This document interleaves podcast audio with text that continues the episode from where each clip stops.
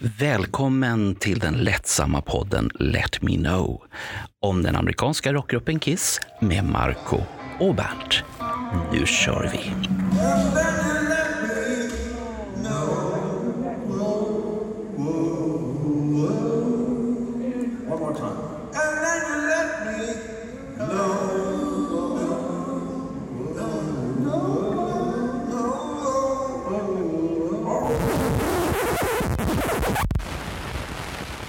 Vet inte jag hur, många gånger vi har försökt med den här Daniel som är vår gäst. Och vi har redan pratat med honom nästan tre timmar. Mm. Och jag varit jättebesviken när jag skulle klippa den här i veckan. Allt var totalt förstört. Det enda som man hörde det var Bernt. Ja, Bernt hörde man hela tiden med dum, dumma kommentarer till någonting man inte förstod vad det var. Så, Och- och, Men, men vänta, det betyder att egentligen så är det så, så att det som vi har varit med och upplevt, det har ingen annan varit med och upplevt. Det är, bara, det är bara vi två och så vår gäst som vi ska strax introducera. Ja, Och jag tycker det är jättespännande. För vi i vår verklighet så vet vi ju allt det här redan, men det är ju ingen annan som vet om det. Det är, det är sånt här som kallas för multiversum. ja, så, han- så han är inte intressant egentligen längre.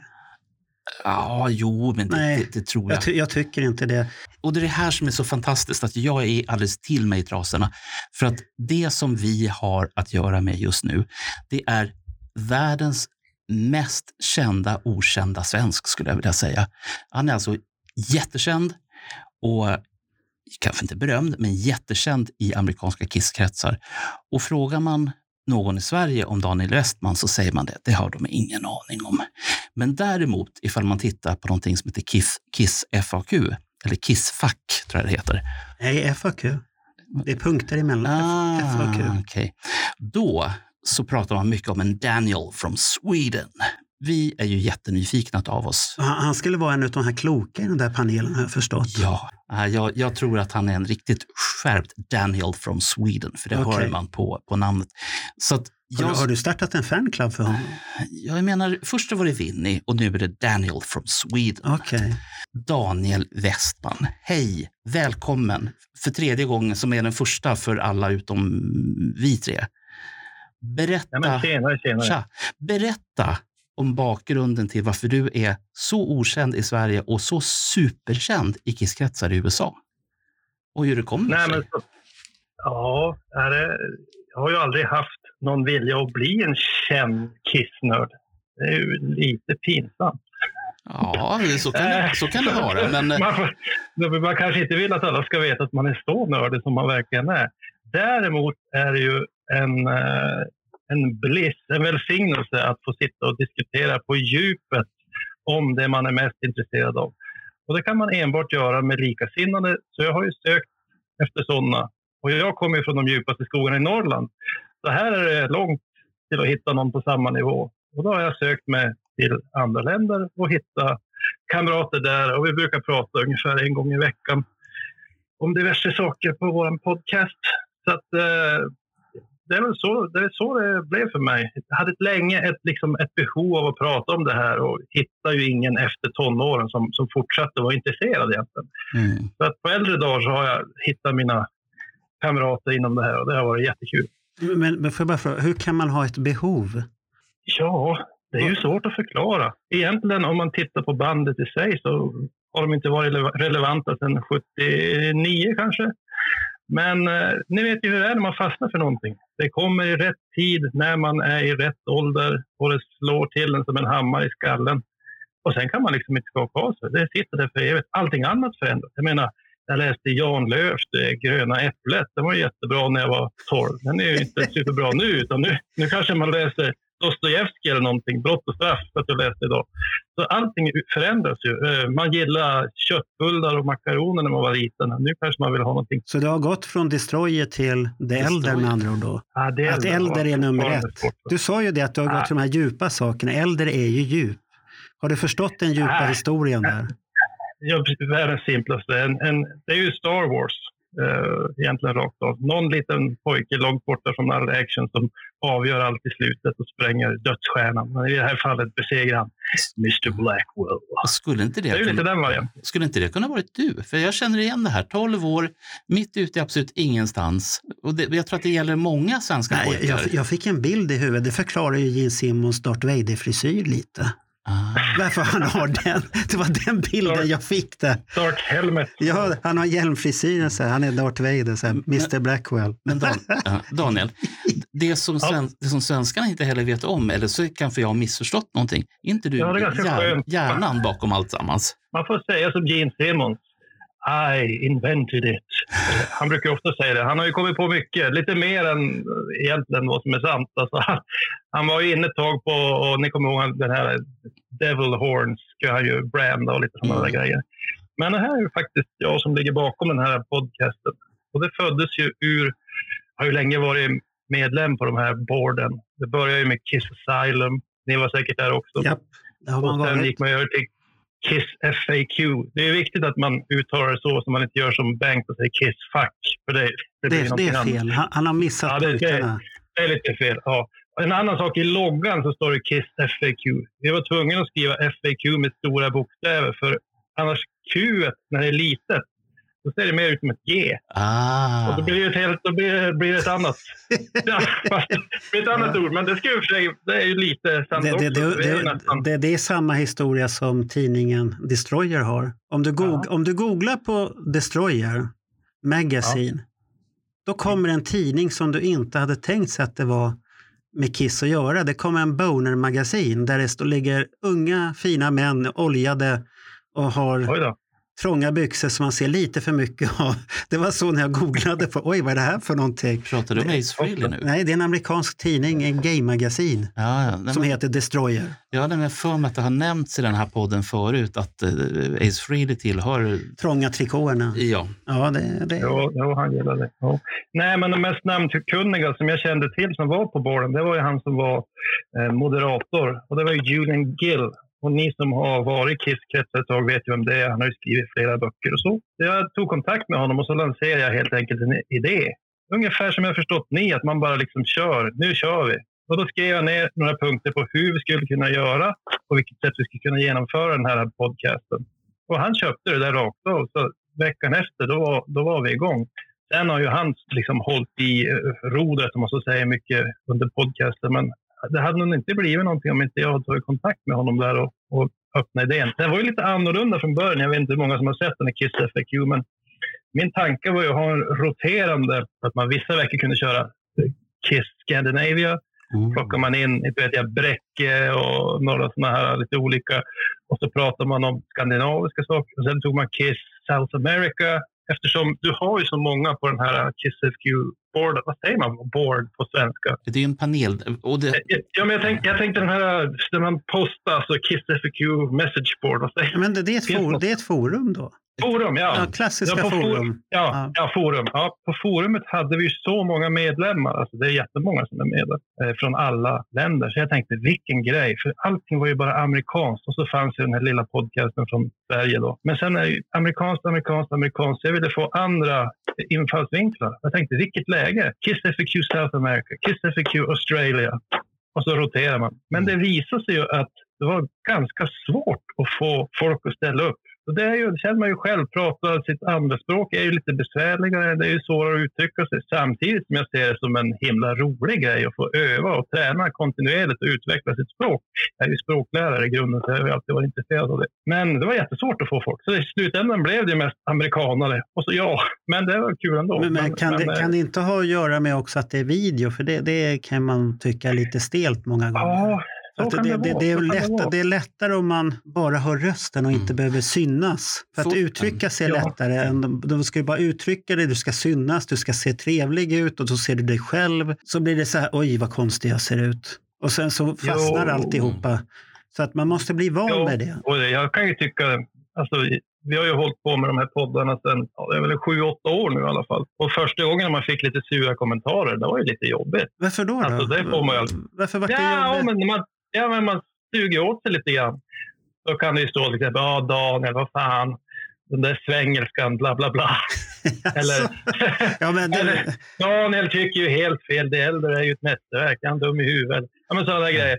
Men det... Eh, folk skriver ju vad som helst. Men efter ett tag, när man har tränat ett tag, så spelar det absolut ingen roll. Ganska häftigt att man kan komma över det där. Men en del vågar inte ens för det kommer att komma kommentarer. Sen kommer det mycket positivt också, men man måste ju vara beredd på det. Annars, ja, man, jag är ju van. Jag har jobbat som, jag har jobbat som lärare i 20 år, så jag har ju hört alla men, men man ska väl vara van och självsäker på sig själv vad man tycker. Då brukar det ordna ja. sig. Vet jag vad jag står och jag står för det så är det inga problem. Visst, det kan vara tufft, men det är bättre att vara ärlig än att bara anpassa sig till något man inte tycker om. Det, det funkar inte i längden.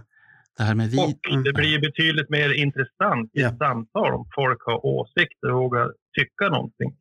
Och jag nämnde det ju senast, här ser jag en liten nackdel med att sitta med sådana som Julian Gill och Andrew Scamberi och sådana här som har lite en fot inne i kissläget lite här och där. För att de är lite låsta märker jag ofta. Så de intressantaste samtalen är ofta kanske efter sändning när man riktigt gottar sig. Och då brukar jag säga, varför kan vi inte liksom ta upp det här? Nej, men då är det någon som känner någon och någon mm. kan bli... Jag är ju i min lilla skog här mitt ingenstans. Jag kan ju säga precis vad jag vill. Det är ja, än, än, än, än, så länge, ja.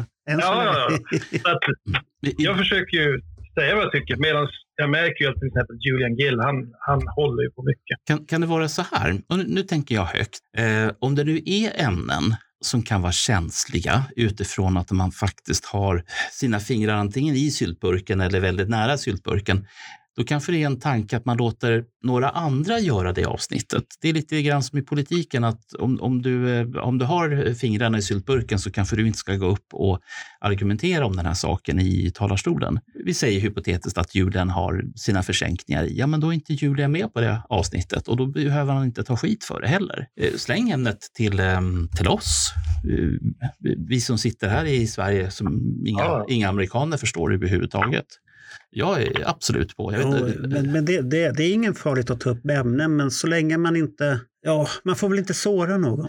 Det är nej, det. Nej. Och, man måste kunna ta det objektivt på ett sätt så att personen förstår att vi diskuterar ett ämne och det inte är personligt. Nej, utan det, det är en företeelse. Ja. Jag kan väl säga så mycket eh, utan att hänga ut varken dig, Marco, eller någon annan, att eh, vi hade ju ett ganska långt samtal igår som handlade om att vi inte kunde ha samtal om de här ämnena därför att kanske någon blir ledsen. Och, och då, då, blir det svårt. Och då kanske ja. det inte är vi som ska ha det ämnet utan kanske någon grupp som inte har personer som kan ta illa upp helt enkelt. Men ämnet mm. i sig är oerhört intressant, så man får helt enkelt byta ämne med varandra. Eller så får man, man kan ju ta upp ämnet men man kanske kan diskutera först innan, hur ska vi ta upp det? Mm. Så att man utelämnar vissa bitar och man är förberedd. Mm. Det här, så här ska vi prata om det, så här ska vi se på det. Man ser det objektivt, att det inte blir någon person som hängs ut eller någonting. För att det finns ju många intressanta ämnen som man skulle vilja diskutera varför det är så. Mm. Varför vissa beter sig så här. Och sånt syns så väldigt tydligt när man är ute som vi var på turné. Mm. Vissa är väldigt konstiga. Det, det, blir för mycket och många gånger har man ju lust att bara säga så här, herregud, ta och lugna ner det, ta Valium. Det, det, det, det behöver inte bli så, men det, ska överspännas och det ska sprättas hit och dit som en jävla tupp. Marco, de kan, få, det... de kan få betablockerare utav mig, de är skitbra. Ja, men Valium kan bli mer spännande. Det kanske blir speedat. Då kommer sanningen fram också. Så att vad vet Nej, men jag måste bara få säga en sak. Mm. En, en, sak som jag upplever med er podcast, den är ju inte så gammal nu, mm. men jag upplever att ni gör ett bra förarbete. Det märks att ni ofta kanske har funderat lite grann innan ni startade. Det känns då så i alla fall. Jo då, det gör vi. Och... och det är väl någonting jag har saknat i den podcast som jag är med i. Att det finns sällan tid till det. Och, eh, utan det är bara pang på rödbetan mm. och köra, köra ämnena som är valt innan. Och då kommer man inte riktigt runt de här känsliga frågorna. Eller man hittar ingen smidig alla gånger. Även om vi har haft jättemånga bra diskussioner under de här åren om allt mm. mellan himmel och jord. Och, mm. jo, men, men, men, just det här det, att man är på samma nivå. Man måste ju vara på samma nivå där. Att man mm. liksom tar sig tid innan och prata. Det är ju svårt då när en sitter i San Francisco, en sitter i Florida och någon men, är i Toronto men ni, skulle, och någon Men ni borde ju kunna briefa, prata innan. Jo. Det skulle ja, man ju vi kunna. brukar ha en... Ja, jo. Ja. eller, ofta... eller pratar ni inte efteråt sen? För det, det, det har jag och Bernt tagit som vana att man måste reflektera Och de gånger man är nöjd, då behöver man inte reflektera så mycket. Men det finns ju till exempel eh, första två poddarna vi gjorde eh, tyckte vi så här, ja, vi har inte planerat det här så bra och så gjorde vi vår tredje podd. Mm. Och då var det någonting som vi gjorde, vi överplanerade det. Mm. Och då var det så här, vi skulle ha med så jävla mycket grejer och det var jättejobbigt. Och det var Raja och Jan som var det var, Men det var en bra podd. Men den, vi Mm. skulle haft samtalet egentligen och lyssnat. För att alla ämnen som vi ville ha med, de kom med automatiskt ändå. Och sen ser Det vi... blir betydligt mer levande. För det, det jag Mm. kan känna med många podcaster det är att man ska gå den här rundan hela tiden. Ja. Kanske ni känner igen. Du har tre, fyra stycken som sitter och pratar. Först ska en säga vad han tycker och så säger han nästan allting intressant om den. Men sen måste de tre andra tycka någonting också. Och då känner de också att nu måste jag hitta på någonting så att jag verkar som att jag inte vet någonting. Och så kommer det en massa, ofta ganska onödiga kommentarer. Och Ja, det och det- kommer man ju runt har dumt. ett samtal. Det, det blir lite statiskt och eh, monotont. Eh, Jag, jag gillar verkligen er stil där det är lite att, det är som ett samtal. Sen kan man prata lite fritt. Egentligen skulle man kunna ha mikrofoner på så sitter man på en ölpub och pratar. För då, då blir det det här roliga samtalet. För då kommer ju helt plötsligt någon in med något och säger åh, det där hände. Jaha, och då är man ute på ett sidospår.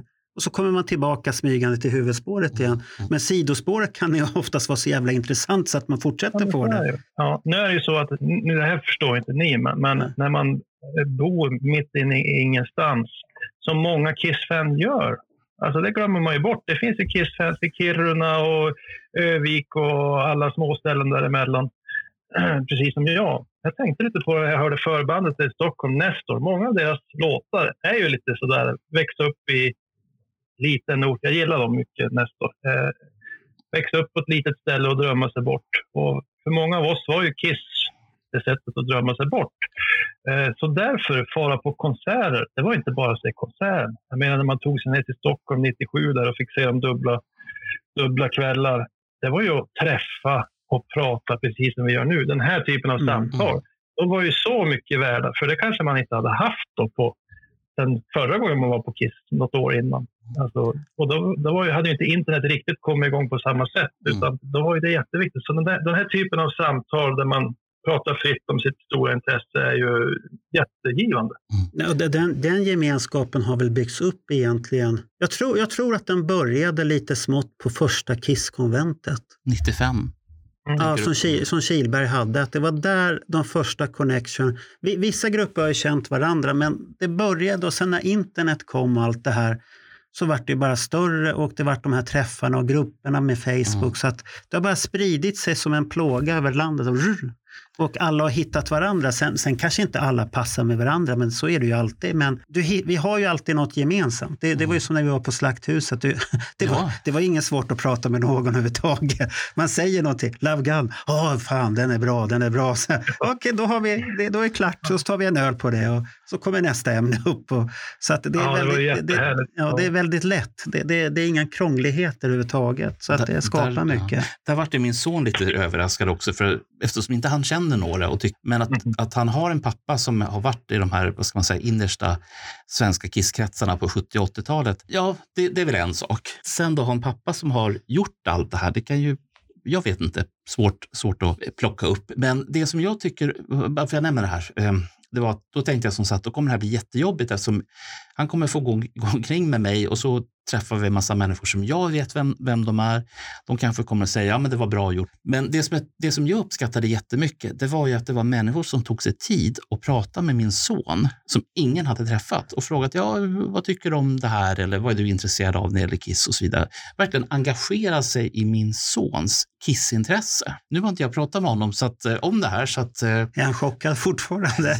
Nej, nej men jag, jag säger så här, om, om det bara är om, om det både är Daniel och, och, och, och, Marco som hör det här och ingen annan, då, då är ni i ett eget multiversum, för då är det bortklippt. Jaha, okej. Det- Men är det inte farligt så är det kvar.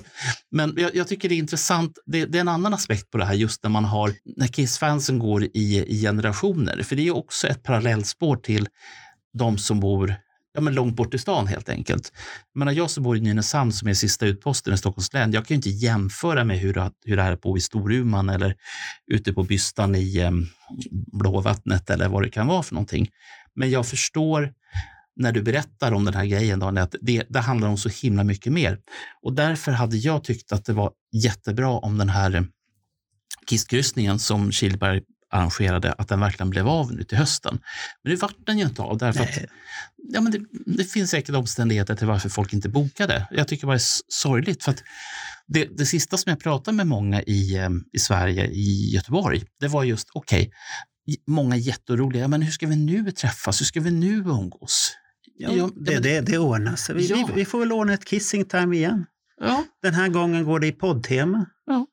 Man bjuder ut poddgäster och så sitter man och pratar Kiss tillsammans med publiken. Det kan vara jätteintressant.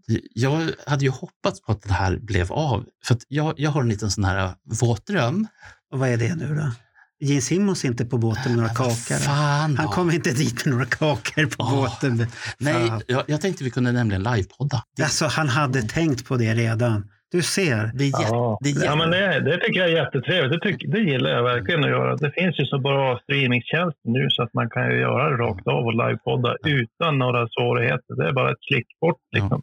Ja. Och, och, men, men sen gillar man att redigera och sådär, som Marco verkar göra, då kanske man sätter lite käppar i hjulet för den typen av podd. För det blir ju lite då kommer ju liksom eh, allt med. Eh, problemet är väl att folk kanske säger så mycket så blir de ångerfulla där. Aj, varför sa jag så? Ja, så att det kan ju bli det. Så det med tanke på andra du är sån här redigeringsfreak. Det, det är bara din goda vilja som...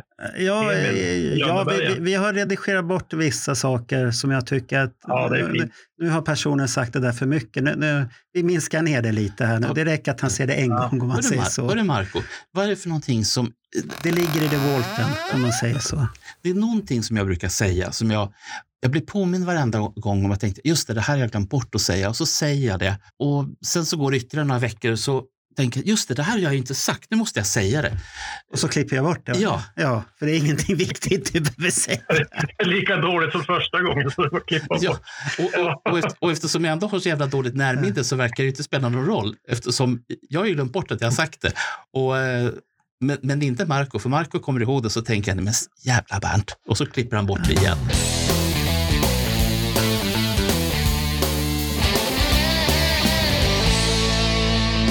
När, när började du gilla Kiss då, Daniel, egentligen? Eh, ja, för mig var det ju, jag kommer ihåg ögonblicket när det hände. Och vad jag förstått efter att ha läst alla de här tre Partners in Crime-böckerna så var jag inte ensam om att fastna för en specifik låt som kom där i mitten på 80-talet. Och det var ju Heavens on Fire som var min gateway in i Kiss. Eh, jag tror att det var en av de första hårdrocklåtarna som jag hörde. Det var ett tält, det var ett svart kassettband. Det var ganska dåligt ljud, men det gjorde ingenting. Jag hörde ändå att det var en bra låt. Hur gammal var du? då? ja, vad kan jag vara? Kring tio kanske. Mm. Tio, tioårsåldern ungefär. Och eh, det är liksom bara, vad är det här? Så jag är glad att det inte var Sweet eller eh, Cheap Trick eller någonting. Det kanske hade fastnat för dem. Det hade inte varit lika häftigt som att fastna för Kiss. Ja, är, Även om de har en del bra låtar. Ja, det, det är bra band det med, så att det är ingen fel ja, ja. för det. Jaha, men så började det och sen, sen liksom bara ja, gick man, ju, gick man ju hem och så, jag lånade ju det där bandet, det var en kompis som hade. Och då hade jag morsan beställa plattor till mig. Och då skickade hon ju efter det. Jag fick två kassettband. Det var Animalize Silence och de nötte jag. Speciellt de två första låtarna på Animalize tyckte jag var grymt bra. Och de ligger ju fortfarande en varmt om hjärtat. Då tillhör du en, en kategori med människor som vi har intervjuat för inte så länge sedan. Ja, det är den här andra generationen mm. som kommer. Ja. Second generation som hittar där. Mm. Det, det, är lite intressant. Jag tror, att, jag tror att den där låten är extremt viktig för svenska fans. Just Heavens ja. on Fire. Alltså den, har, den har gjort så mycket och mer i Sverige än i kanske andra skandinaviska länder. Vet den här Bräcke, han brukar ju prata om att det inte var så en jättestor grej i, i Norge till exempel. Ja, det, ja, det brukar han ju eh, säga alltid. Ja, det, det, norrmän är ju speciella. Jo, jo, de är lite annorlunda. De har lite annat sätt att se på världen. De har en annan, ja. topp, de har en annan topplista att gå efter. Ja, ja, det är väl kanske det. Ja. Men, Unmasked var ju till exempel etta i Norge. Det var, det var lite det jag var ute efter. Men det måste vara omslaget ja. som gjorde det i sådana fall. Ja, det finns ju bra låtar på, men när den kom jo, jo. så kom jag ihåg så var jag så besviken så, så att det... Jag vill gärna hugga tag i Unmasked och etta i Norge. För att när jag gjorde på den vlogg som jag gör ibland, den här söndagsvloggen, så eh, har jag gjort åtminstone två reportage om eh, Kiss i Danmark. Och för säkerhets skull så var jag tvungen att intervjua ett par danskar för att jag tyckte det var viktigt att det som jag säger faktiskt är riktigt så att det inte är en, en svensk som kommer till Danmark och konstaterat att det är på ett visst sätt. Och de berättar för mig att det är samma sak i, eh, i Danmark, att det var ju de här plattorna som du tog upp Daniel. Det var de som slog.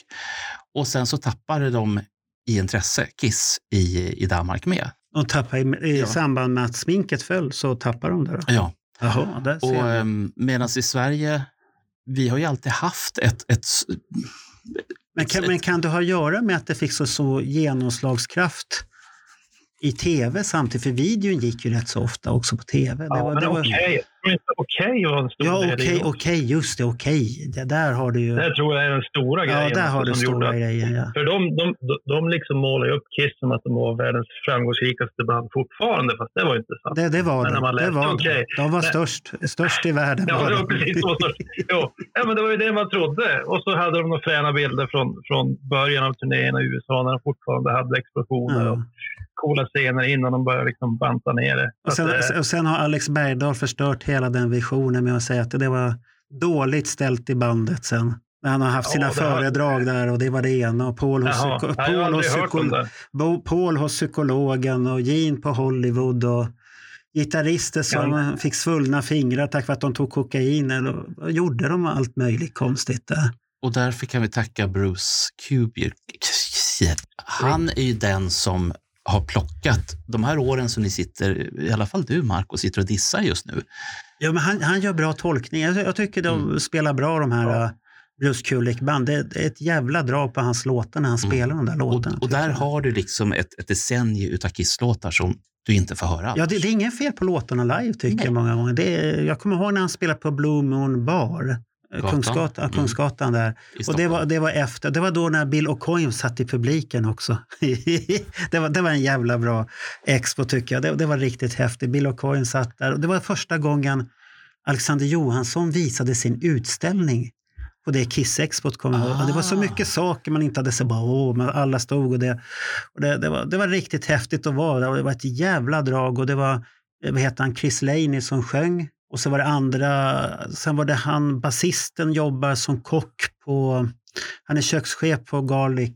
Eh, jag vet inte vad han ah, heter. Han har så här rasta det, flätor nu. Nu börjar jag förstå en koppling ja. till Garlic och Kiss ja, som jag att, inte har förstått ja, förut. Så att det, det finns, det, mm. det, men det var en så här expo som var riktigt grymt. Alltså. Och sen, och sen den här pärlan på det hela. Att det var ju disco när vi kom dit. Och det var ju massvis med Och helt plötsligt bara stänger de ner musiken och börjar plocka upp helt andra grejer. Och folk bara står, vad är det här?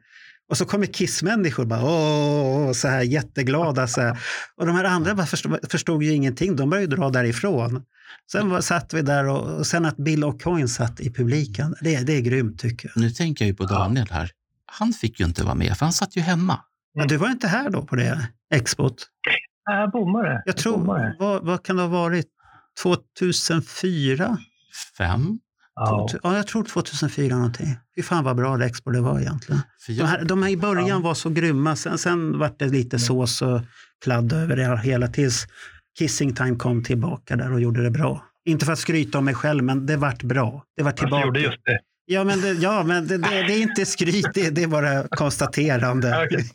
Ja, okay. det, var fakta. För att det, var ju så när vi planerade Kissing Time, och Morgan och Clifford och jag, det var att vi vill tillbaka till rötterna till de här första som var så jävla bra.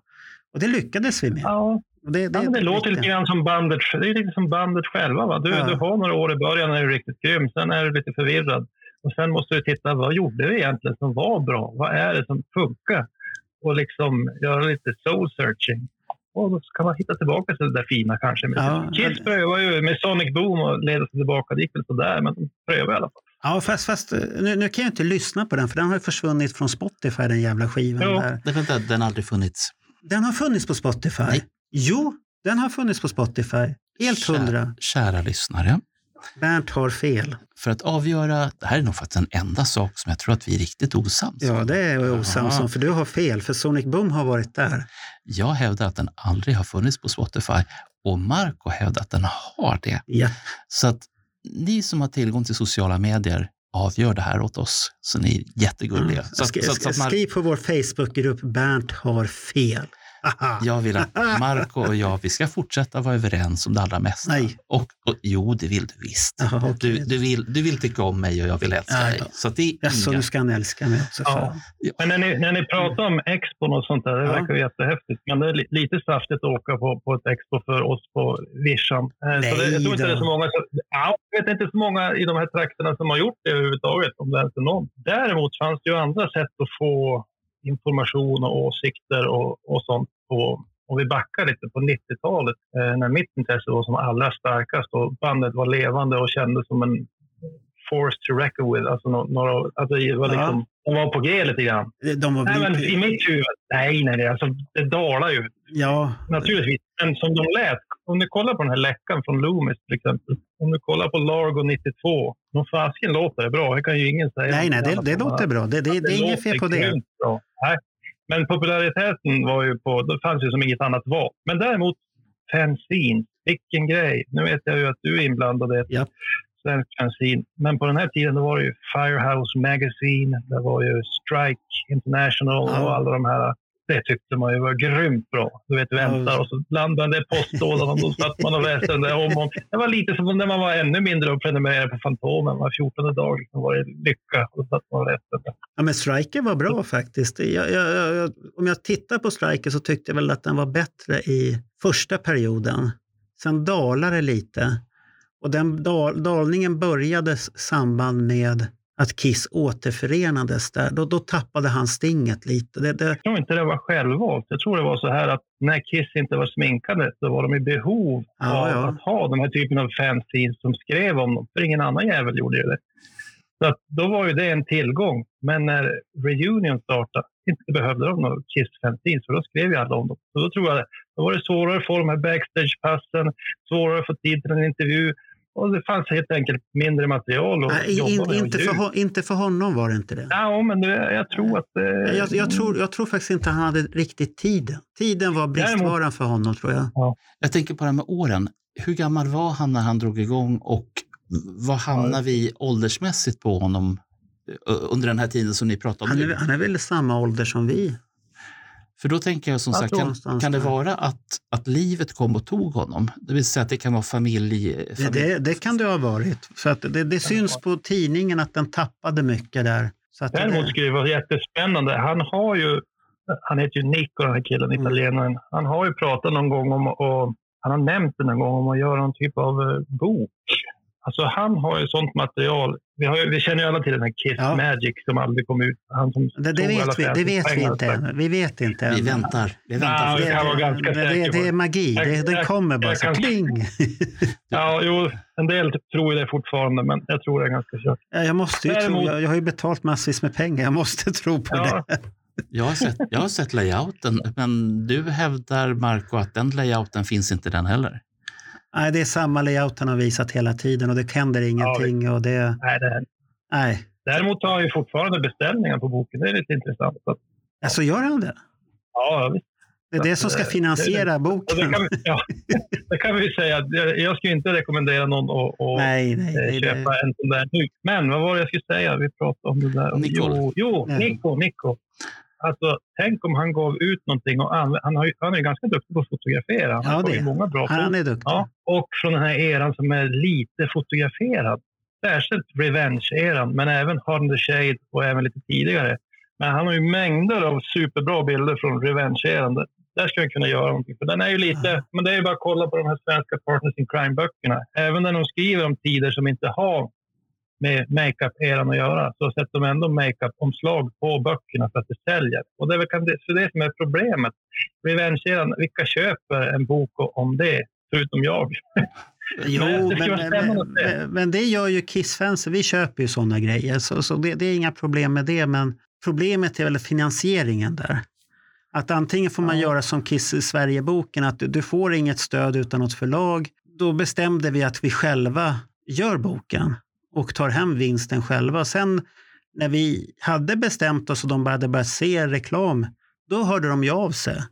Men då hade vi redan bestämt att nej, nej, nej, det här kör vi själva nu Mm. istället. Så att det finns ju böcker som har varit katastrofala som har kommit ut i den här Kissboken som är på svenska som har mycket bilder men texten hänger ju inte med och bilder, bildtexter och alltihopa är jättekonstiga. Pratar du om en inbunden bok? En som- inbunden bok i Mm. A4-storlek med jättefina bilder men storyna stämmer ju inte alls och bildtexten är helt åt helskotta på den. Jag, jag trodde först att du pratade om den första svenska Kissboken som kom på 80-talet. Nej, nej, nej, nej, de var ju klassiker. Där satt vi bara och var dregla och titta, bläddra tillbaka och titta på den här bootleg-sektionen. Åh, vilka skivor! Och sen när man hittar dem, och sen när man hittar de där skivorna i skivbörsen, då var man alldeles extas tills man såg prislappen. Åh, fy fan vad dyrt det var. Så här. Ja, men det är ju lite kul att kolla i de där gamla böckerna och förstå vad lite Kiss-fans Ja. visste. Otroligt lite man visste på, på den tiden. Det var ju ändå ganska sent. Det här var ju 80-tal. De här Shout It Out och de här, vad de hette. Och sen kom den med, med det där ormomslaget och fyra bilder på Crazy Nights. Eh, Ja, just det. det, det Gubbarna. vad hette, hette, den hette den Heavens Nej, det gjorde den Still on Fire. eller något Ja. Still on Fire, just det. Den, den var häftig. Och de där läste man ju och tänkte Oj. jädrar vad coolt. Men sen har man ju insett att det är jättemycket fel. Och ja, det spelar ingen roll då, men, men det är lite intressant att förstå vad lite man visste. Och där har du förklaringen till genomslaget via Okej. Vi visste ju ingenting annat.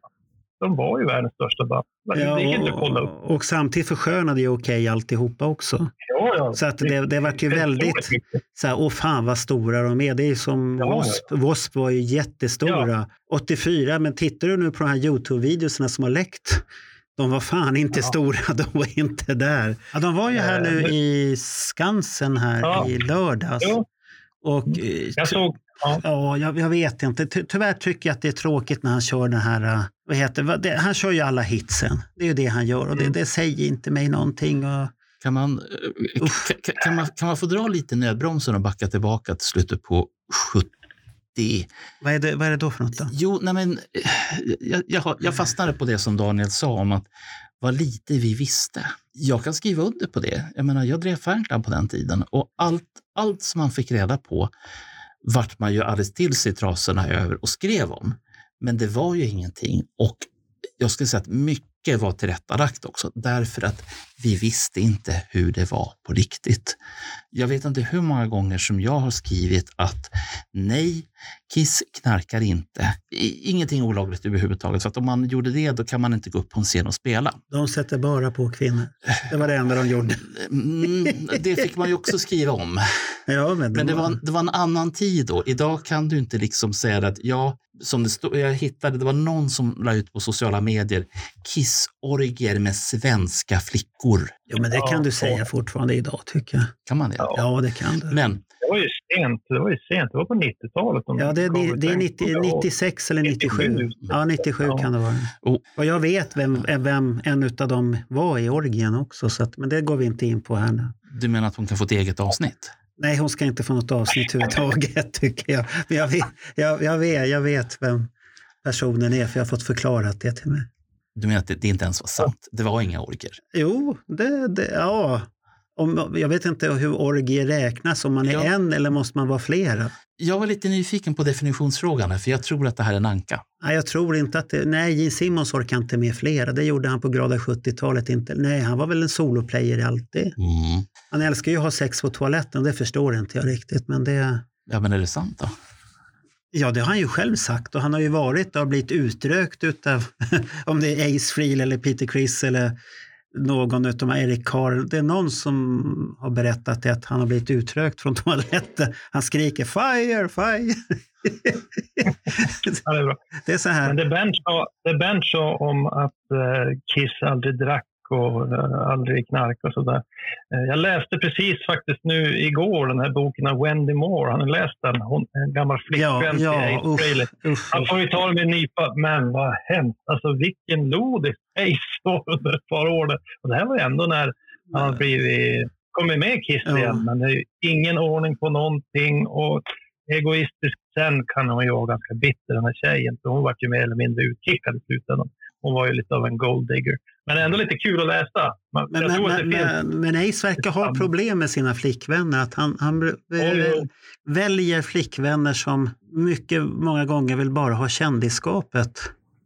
Ja, det, det, det, och, det, och, det, och, det, och det är ju inte ja. bra, för det, det blir ju Nej. aldrig någonting positivt utav det. Men han, han var ju fruktansvärt nere på 80-talet. Det, det, ser man ju på bilder. Han, han är ju så borta att han sen idag fortfarande har sinnet fortfarande och hjärnan i bruk. Det är otroligt egentligen. Mm. För ett tag sedan så hade vi Olle Linderholm som hade eh, ett avsnitt som handlade om innan grungen eh, faller, mm. överfaller. Och eh, han berättade då om att han hade fått tips om att eh, Frehley's hus var till salu i Wilton i Connecticut. Och det här är då 91. För inte så länge sedan så dyker Mäklarfilmen filmen upp som är inspelad i december 90 där en mäklare har fått i uppdrag att sälja Frehley's hus. Så att man får se allt i huset. Alltså, jag har inte tittat på den där filmen än. Nej, du, den, du la upp den ja, där. Den, det, den, ligger verkar i, intressant. Ja, den ligger i vår grupp Encore. Ah, ja. okay. och, och där, jag, jag fastnar ju på, på de mer udda detaljerna. Som till exempel så hänger den upp sig jättemycket över den öppna spis som Freely har. Och den har jag skrivit om, vet jag. Eh, och då har jag skrivit med helt andra ord än vad mäklaren använde. Mäklaren sa bara att ah, men det, nej, det här går inte. Den, den, måste ut. Den öppna spisen måste vara ut. Den är hemsk. Den är fruktansvärd. Och den här är alltså inspelad i december 90. Varför jag lämnar det här nu är dels för att ni lyfter Freely, men vi kanske kan ha lite fler som kan eh, vara, vara lite hjärnor. Jag är lite nyfiken på vad hände? När lämnade Freely huset i Wilton? Eftersom mäklaren är i december 90 och då är det vattenskador på alla, alla möjliga och omöjliga Aha, ställen. Okay. Sen så säger Olle att han var i Wilton i slutet på 91 och huset var inte ett dugg bättre och inte ett dugg sålt då heller. Hur kan det vara så svårsålt? Och är man eh, inte intresserad av den biten så kan man åtminstone titta på de här 30 minuterna för där får man se resterna utav Ace Frehleys studio. Ja, alla grejerna är ju bortridna, men vad fan, ni har väl fantasi? Och, ehm, så det är en bit. Sen har jag hållit på och Marco känner ju mig på den här punkten, nämligen att om jag har hittat vittring på någonting så släpper jag det inte. Nej, nej, det, det brukar du göra. Ja. Och, och, och då sökte jag vidare och det visade sig att det här är en trend också. För att i slutet på 90-talet så finns det ett annat hus i Connecticut som han fick lämna eh, därför att han hade inte betalat amorteringar på över två år. Och jag undrar, fick han inte in några pengar? Och varför drog han från huset i Wilton? Alltså det är så mycket frågor. Ja, men hans karriär var inte bra då. Nej. Det, det, det, tittar du på hela, ska du titta med objektiva ögon så kan han inte ha dragit in så jävla mycket pengar under 80-talet och början av 90-talet. Det kan inte ha hänt så mycket i hans liv egentligen. Han har, han har levt på det han har haft. Mm. Och till slut börjar det ta slut och då säljer du ju hus och grejer. Det, mm. det, blir, det blir ju resultatet av det. Men det stod alltså tomt i två år i alla fall, ja, ja. minst. Ja. Innan det såldes. När man har, när man läst de här böckerna som, som flickvännerna har skrivit så, så förstår man att han har ingen koll på någonting. Om det nu är någon sanning Han har ingen koll på det ekonomiska. Han har, vet inte vars kvitton är, han vet inte vars grejerna är.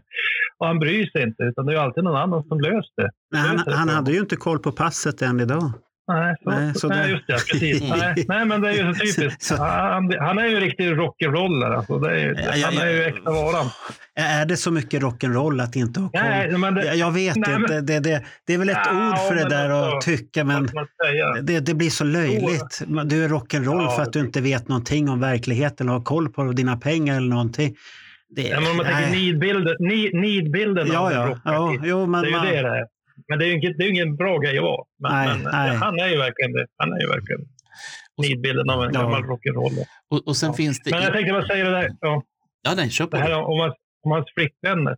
Nu, tyckte, nu har han väl hittat någon skollärare, den senaste flickvännen. Men hon missade inte ett tillfälle att vara med på en bild med honom, filma sig själv när Ace Frehley spelar, eh, ta bilder på sig när de träffar Alice Cooper. Och Frina, Frinet går ju från öra till öra, så hon mår ju jättebra att få synas lite grann. Så det går ju lite grann i nej, samma nej. Vi får se hur det går. Hon har, träffat kär, hon har träffat stora kärleken, då är man lycklig. Mm. Hon är lycklig nu. Hon ja. ja, ja. Hoppas det. Och han då? Ja, han är lycklig. Var inte skeptisk nu. Han har, det är hans första dejt här nu. Han, har varit, han, han var inte med i tv-programmet där, men nu, han är lycklig.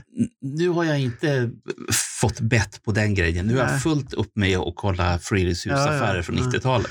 Nej, men så att det, det där är ju så svårt att se och det, det är ju taskigt mot henne också om vi säger så att ja, hon är det eller det. Vi, vi, vet inte vad hon är. Så, så länge han tycker att det är bra så är det väl bra. Så att hon, hon verkar ju inte vara lika stygger som den som var innan.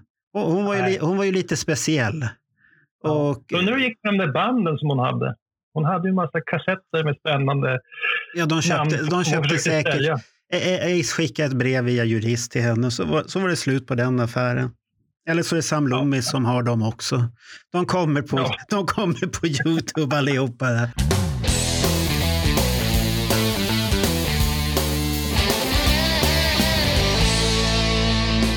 Vem är Sam Loomis och varför?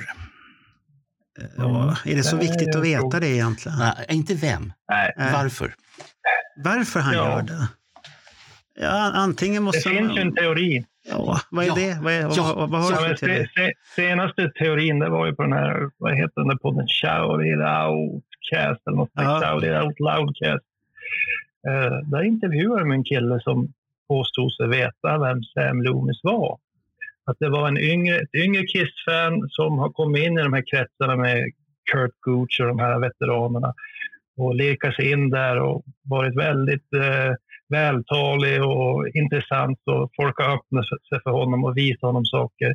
Och det visar sig att den han anklagade är en kille på min podcast Ooh. som han tror att det är. Och det undrar jag om det verkligen kan vara. Men det är helt klart en av killarna som vi brukar ha med. Inte så jätteofta, men han brukar vara med några gånger per år. Mm, okay. Det är han som är så anklagad och jag har ingen koll på hur, jag vet inte ens vad han heter den här som blev intervjuad, men eh, om man läser mellan raderna där så är det ganska tydligt vem han anklagar för att vara Sam Loomis. Va, va, har, det är en kille som är duktig på ja. videoredigering och har gjort filmer okay. och, men, och har men, sett olika grejer. Och, och, och, nyligen har blivit osams med Kiss. Så att, eh, ja, så är det han som varit osams om den här As Asylum-filmen som skulle komma ut eller vad det var för någonting? Ja, det, det, det är så här, han har ju gjort jag kan ju säga vad han heter. Han är ju bara anklagad. Jag vet äh, inte om det stämmer. stämmer. Han heter ju Andrew Scambari. Heter han. Andrew Spaghetti. Aha, okay. eh, ja, han. Och han har ju då gjort, om ni kollar på Youtube så har han gjort en del strålande Kiss-filmer där han har synkat, remastrat eh, och gjort olika filmer. Jag tror de heter Great, The Greatest Show on Earth, hette en av dem. Jaha, Jättefina ja, filmer. Ja, den, den har jag sett. Ja. Ja, han har gjort flera stycken. Jättefina. Så gjorde han någon om eh, Madison Square Garden, sista, eller sista gigget. Det vet vi inte om det blev, men nej, nej. det som att det fortgår. Men han har gjort många bra grejer och Kiss har aldrig sagt någonting. Och hans mål har hela tiden varit, det har han faktiskt sagt, att han ville komma in i the Kiss Camp. Alltså han, han vill göra som folk gjort tidigare. Oh. Det finns ju den här typen av Kiss. Mm. Det finns ju en, en viss sorts Kiss-fans som vill vara nära bandet. De vill vara med Kissgubbarna. Alltså det är som någon, för mig det är musiken och den biten, men en del vill vara med bandet. Du hade ju du vet, de som har jobbat sig upp från fan till anställd. Spiro eh, på 90-talet där. Uh, det finns fler exempel. Den här de har nu, heter han? Han, han, stå, han, han, står ju på scen också. Ja. Du har glömt bort ja. Tommy Tejer. Ja, Tommy Tejer, ja, precis. Han, han, han är väl den största ja. Det Nej, kanske är han som har en klick. Ja, det finns en sån klick och Andrew Skabberg är ju en av dem. Eh, men så händer det så att nu ska han ge ut Greatest Show on Earth Part 2 som fokuserar på the Shade-turnén. Han hade ju klippt upp en jättefin film med alla klipp och klipp man inte har sett från the Shade. Och ah. precis, som man skulle ge ut, precis som man skulle ge ut den så får han en sån här season desist, alltså Kiss Kiss meddelade honom att han får inte ge ut det.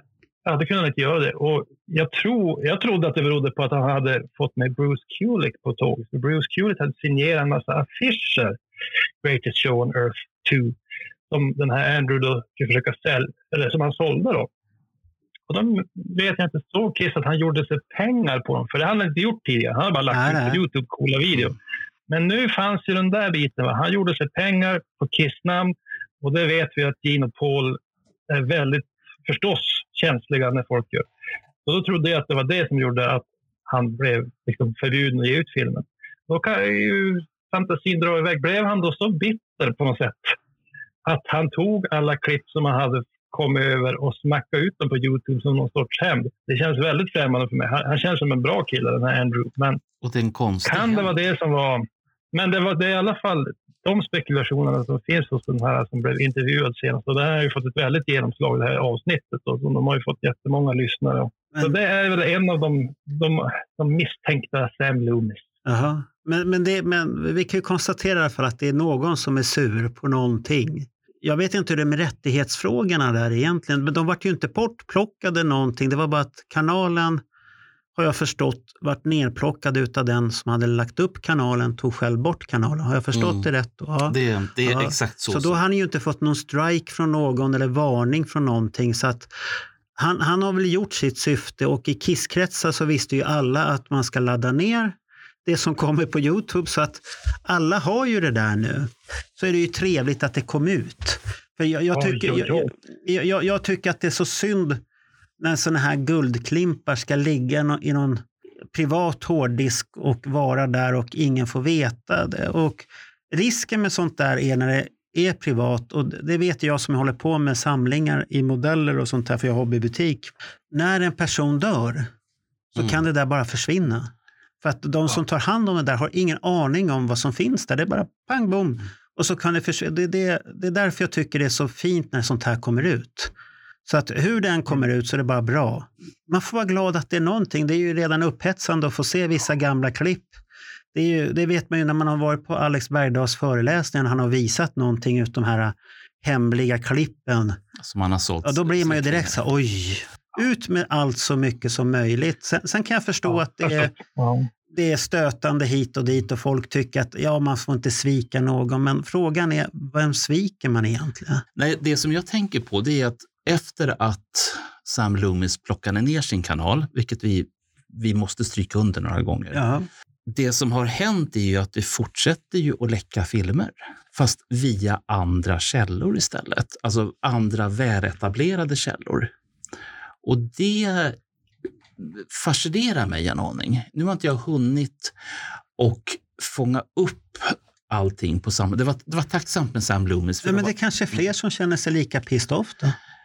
Det kan ju vara det. Eller att de märker att fan, det är fler som äger samma film mm. och jag har betalt massvis med pengar. Såklart ingen, du har varit exklusiv och sen är du inte exklusiv. Du, du har ju blivit blåst men Samtidigt har du ju varit villig att betala för det där. Så att det, det, du har ju valt det själv, så att jag klandrar inte den som har köpt det. Det, det, det är upp till var och en vad man gör med sina egna pengar.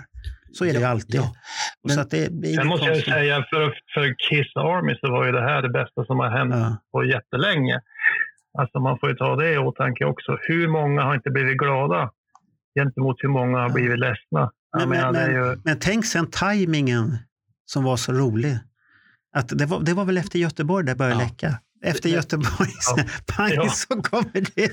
Det var så här, vi har fått en jättebra tre ja. spelningar, excellenta spelningar. Och sen bara kommer så här gammalt godis från ingenstans. Mm. Och vi sitter och tittar på Tokyo 77 och förmiddagsspelningar, gamla 75-spelet. Man sitter bara, åh, vad är det här för något? Och så ska det blandas med de här nya klippen som du tittar på också. Så att det är som Bernt sa igår, det har blivit för mycket kissen den senaste tiden. Jag är mätt. Jag är mätt på något sätt. Det, blir, det får bli ja, det var ganska bra. Det, det, var ganska bra att det blev en paus. För att eh, ja. jag gjorde två Kiss FQ-poddar eh, med en vecka då emellan. Och på den veckan hade det kommit 13 sådana här juveler på oh, Youtube. Han, han, han må ju liksom inte sätta sig in i och, och det blev inte roligt. Du såg det för att du var tvungen att se det innan ja. nästa sändning, inte för att du ville.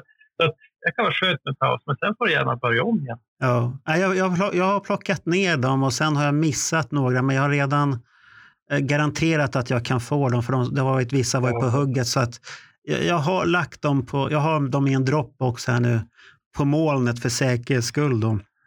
Och på min lokala hårddisk hemma. Så att det finns där gottis och jag ska försöka lägga dem så att man kan titta på dem på tv när man vill.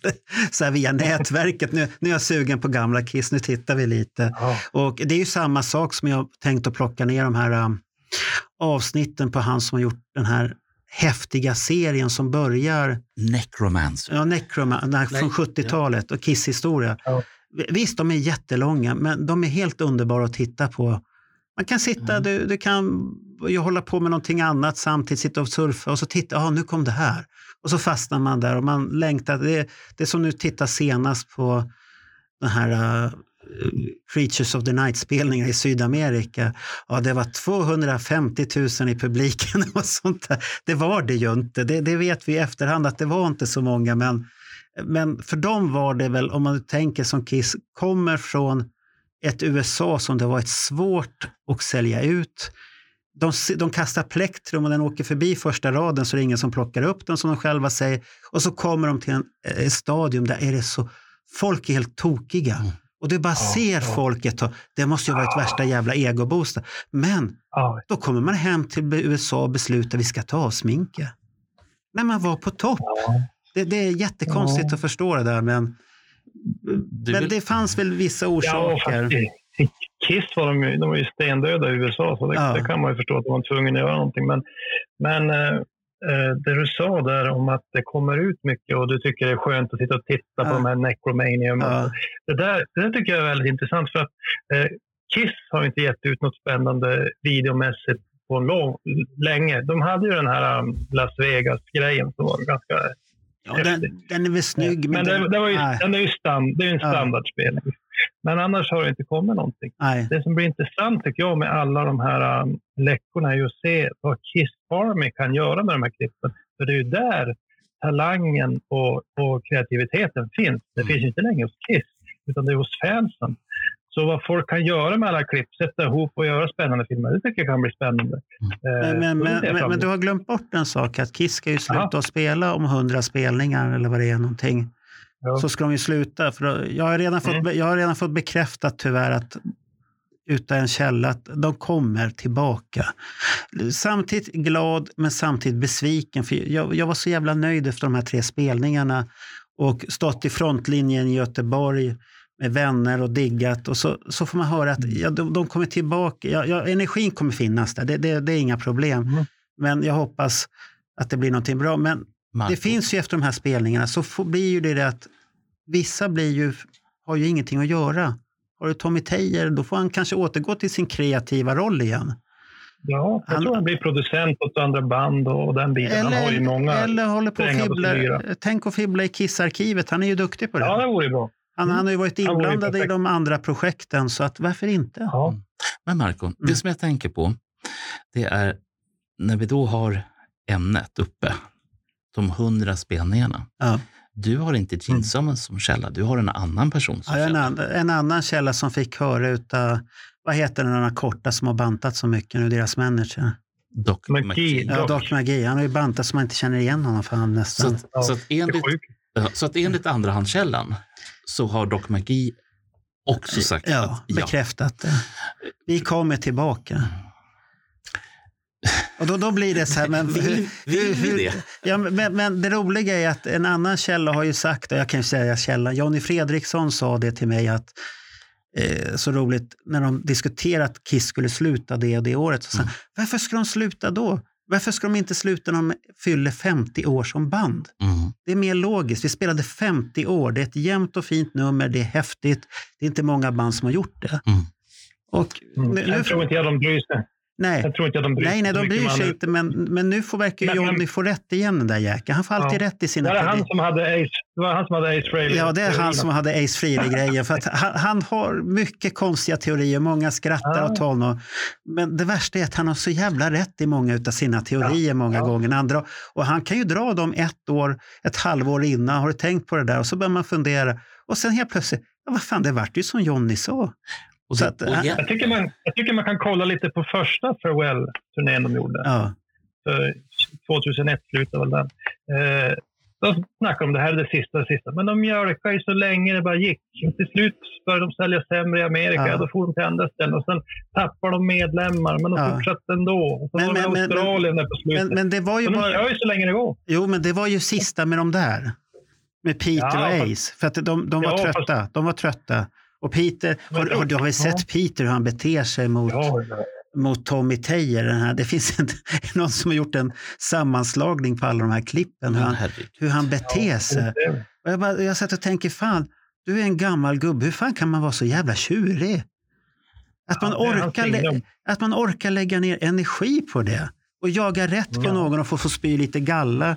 För att egentligen vill du spy galla på Paul och Ace, som du har, eller Paul och Jean som du har kontraktet med. Men han vågar ju inte. Nej. Nej, då, då, då, den där jäveln hugger vi och då får han all är- skit. Men det är Ja, men jag så, tycker det är så i alla gäng. Det är så i alla gäng. Alltså den som är längst, näst längst ner på Ja. tuppordningen är ju som jävligast med den som är längst. Det ser man ju i klasser och allting. Det är någon, Ja. någon typ av hävdelse. Det där ser jag ju på mitt jobb också. Så jag, jag jobbar på lite olika Mm. skolor och sådär. Allt från gymnasiet till mellanstadiet. Och i år jobbade jag på mellanstadiet den förra säsongen. Och så kom det två jättebra nya outbildade lärare som pluggar samtidigt.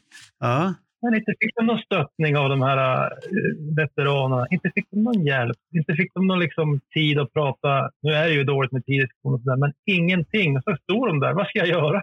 Ja, det, Så vid, ja. jul, vid jul hade vi båda gått in i väggen. Vi missade två supertalanger där som var jättetrevliga. Mm. Jag hade jättemycket trevligt med men jag lyckades inte liksom hjälpa dem. Och ingen annan var då intresserad av att hjälpa dem upplevde jag. Jättesorgligt. Så att kolla vad folk kan och prata med dem så lärde man sig någonting. Mycket viktigt och det är samma i kisskretsen.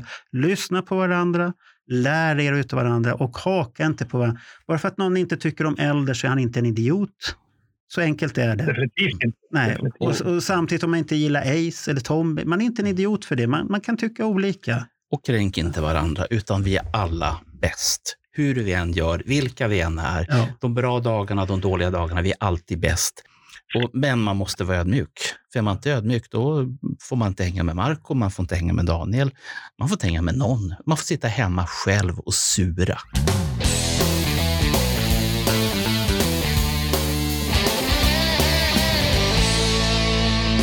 Har, har du några speciella kissupplevelser annars då? Så jag ser inte poängen riktigt med det. Det är alltid intresserad. Ja, men det, det, var inte det, jag, det var inte poängen Nej, jag nej, frågade men, efter nej, här. Men jag, jag vill bara säga att jag tycker inte jag missar någonting när jag inte har stått bredvid Tommy Tejer i tio sekunder och fått ett foto. Det tycker jag är att mjölka fansen lite grann. Jag är lite emot det där meet and greet-duket och folk är så överlyckliga att stå tio sekunder. Jag skulle hellre, om jag fick träffa någon i bandet, då skulle det vara på en pub, sitta och surra musik med Eric Singer eller någonting. Det skulle vara trevligt. Men att stå där som en fanboy, nej, det ligger inte för mig riktigt. Det kan ju vara en cool bild att få sådär förstås, men det, det, jag har aldrig känt den lockelsen. Så mina upplevelser har ju alltid varit konserterna. Det är ju det som är Daniel, liksom... jag, Ja. jag älskar dig, bara så att du vet.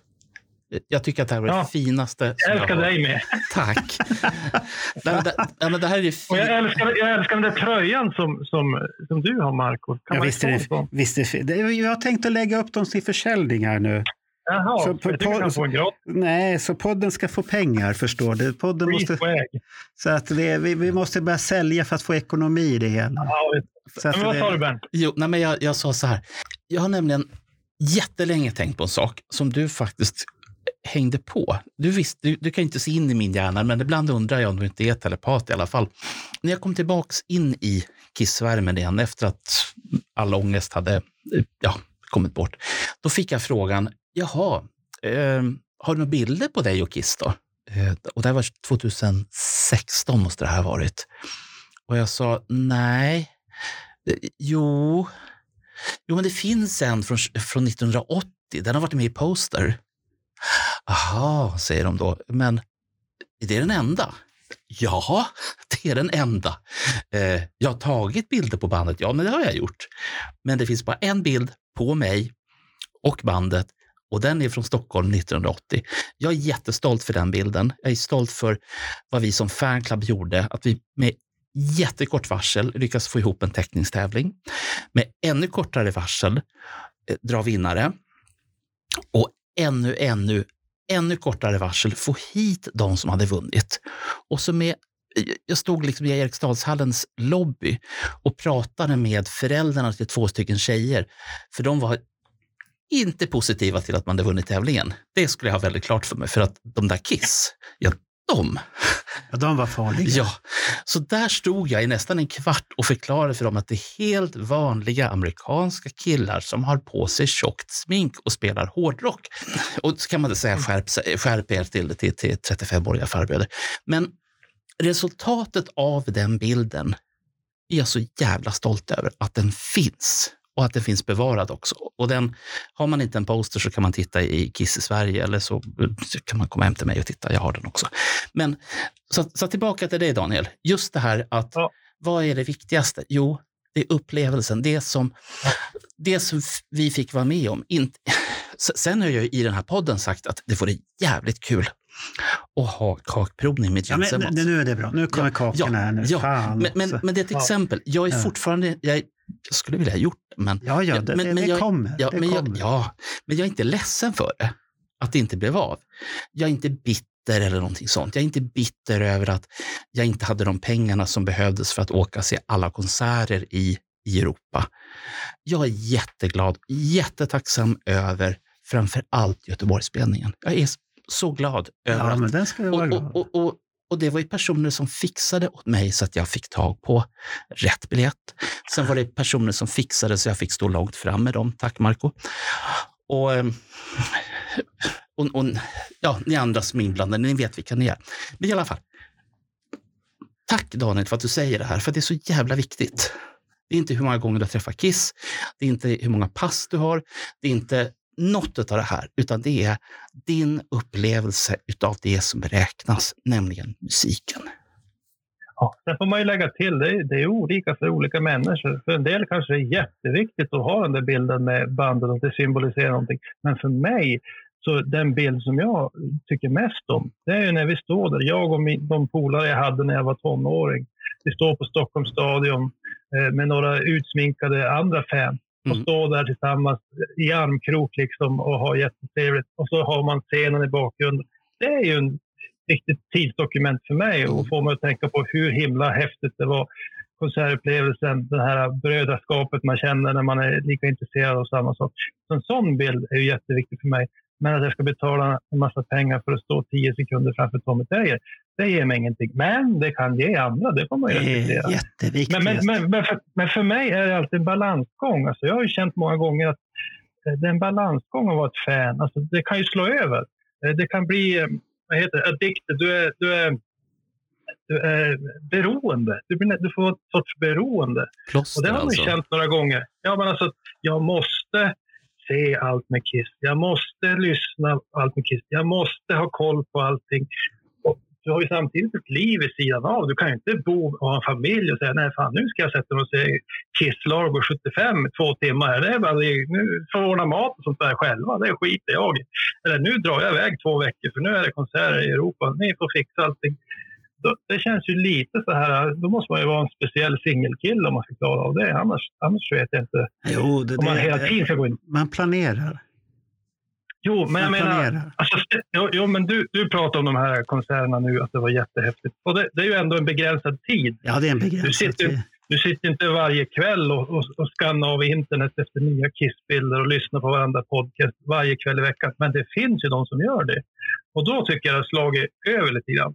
Och jag kände väl ibland under tonåren att jag prioriterade lite fel när mitt kissintresse var som starkast. Att man kanske istället för att fara och leka med några polare så men, man men, kiss Nu måste jag fråga dig här Daniel, nu, nu, nu ja. lite självrannsakan här nu. Ja. Hur många timmar lägger du ner på podden varje vecka? Nej, men det tycker jag är lagom. Nej, nej, lagom det, var inte, det var inte det jag frågade efter. Hur många, ja, timmar, lägger, hur många timmar lägger du ner på det? Det, var, det, var, det, var, det varierar, men, men ja. Eh, Alltså ja, har det slagit det över dig på ett annat sätt?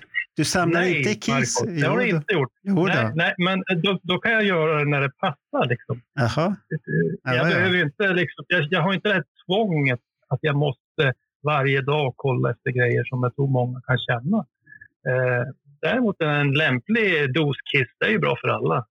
Jaha, okej, okay. det heter lämplig dos. Okay.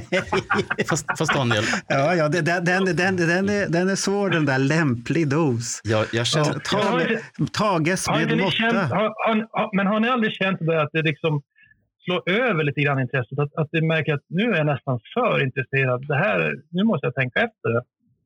Nej, in, inte, inte Kiss för min del. Nej, jag, om, jag, om jag säger så här, jag har väl varit mer mer beroende av F1 om, en om man säger sig Formel 1 då. Så att eh, min, min, min fru som jag hade i massvis med år, och jag tror inte hon var så jävla glad när jag fick tillbaka Formel 1-intresset där i slutet av 80-talet. Lilla över för grabbarna. Ja, och sitta och titta då på träning 1, träning 2, träning 3, och kval, var, varm upp, alltihop. Och jag var tvungen att se det live. Det förstör rätt så mycket.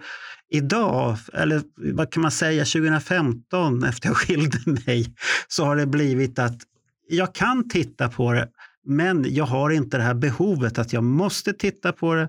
Det enda jag vet som jag tycker är viktigt att titta på det är racet, men skulle det komma någonting annat emellan så, så kan jag göra det, som nu när jag var i Finland då, då, då, är det så. Då får jag titta på det i efterhand. Och, och sånt här. Jag accepterar, man kan inte göra alltihopa. Så att, men Kiss har aldrig varit så, för det går, det går så mycket i vågor. Det, det, det är som Destroyer. Vissa nummer är fruktansvärt jobbiga att göra ibland. Niklas och de har en plan, de har visioner, det ska vara det och så tittar man på materialet och bara suck, hur fan ska jag få ihop det här? Men sen sitter man och jobbar, fått de här första tre, fyra uppslagen då kickar det igång någonting. Ah, och så lyssnar jag samtidigt på Kiss många gånger när jag gör tidningen. Och speciellt samma period, är det en Hot in the Shade-artikel, då lyssnar jag på för att få den här känslan. Eh, och sen, sen, blir det så här, då går det jävligt fort för det, den, den är tråkig skivan tycker jag. Så att är det så här gammalt då funkar det mycket bättre. Då kan man sitta och jobba länge och man lyssnar och sånt här. Och det kommer ju, det är, det är som en drog att jag kan lyssna på Kiss. Ja, nu lyssnar jag på Kiss. Då lyssnar jag på hela Kiss-katalog och det snurrar. Då kommer kunden, ja du bara lyssnar på Kiss och fy fan vad fel han kan ha. Men det är skit ibland. Jag, jag kommer fram till, jag behöver inte försvara min musiksmak för någon. Det är min musiksmak. Jag lyssnar på fan vad jag vill. Marco, ja. du är lika nördig som vi andra. Ja, såklart jag är nördig, men eh, när Kiss, nej, inte, inte, inte skivor, nix.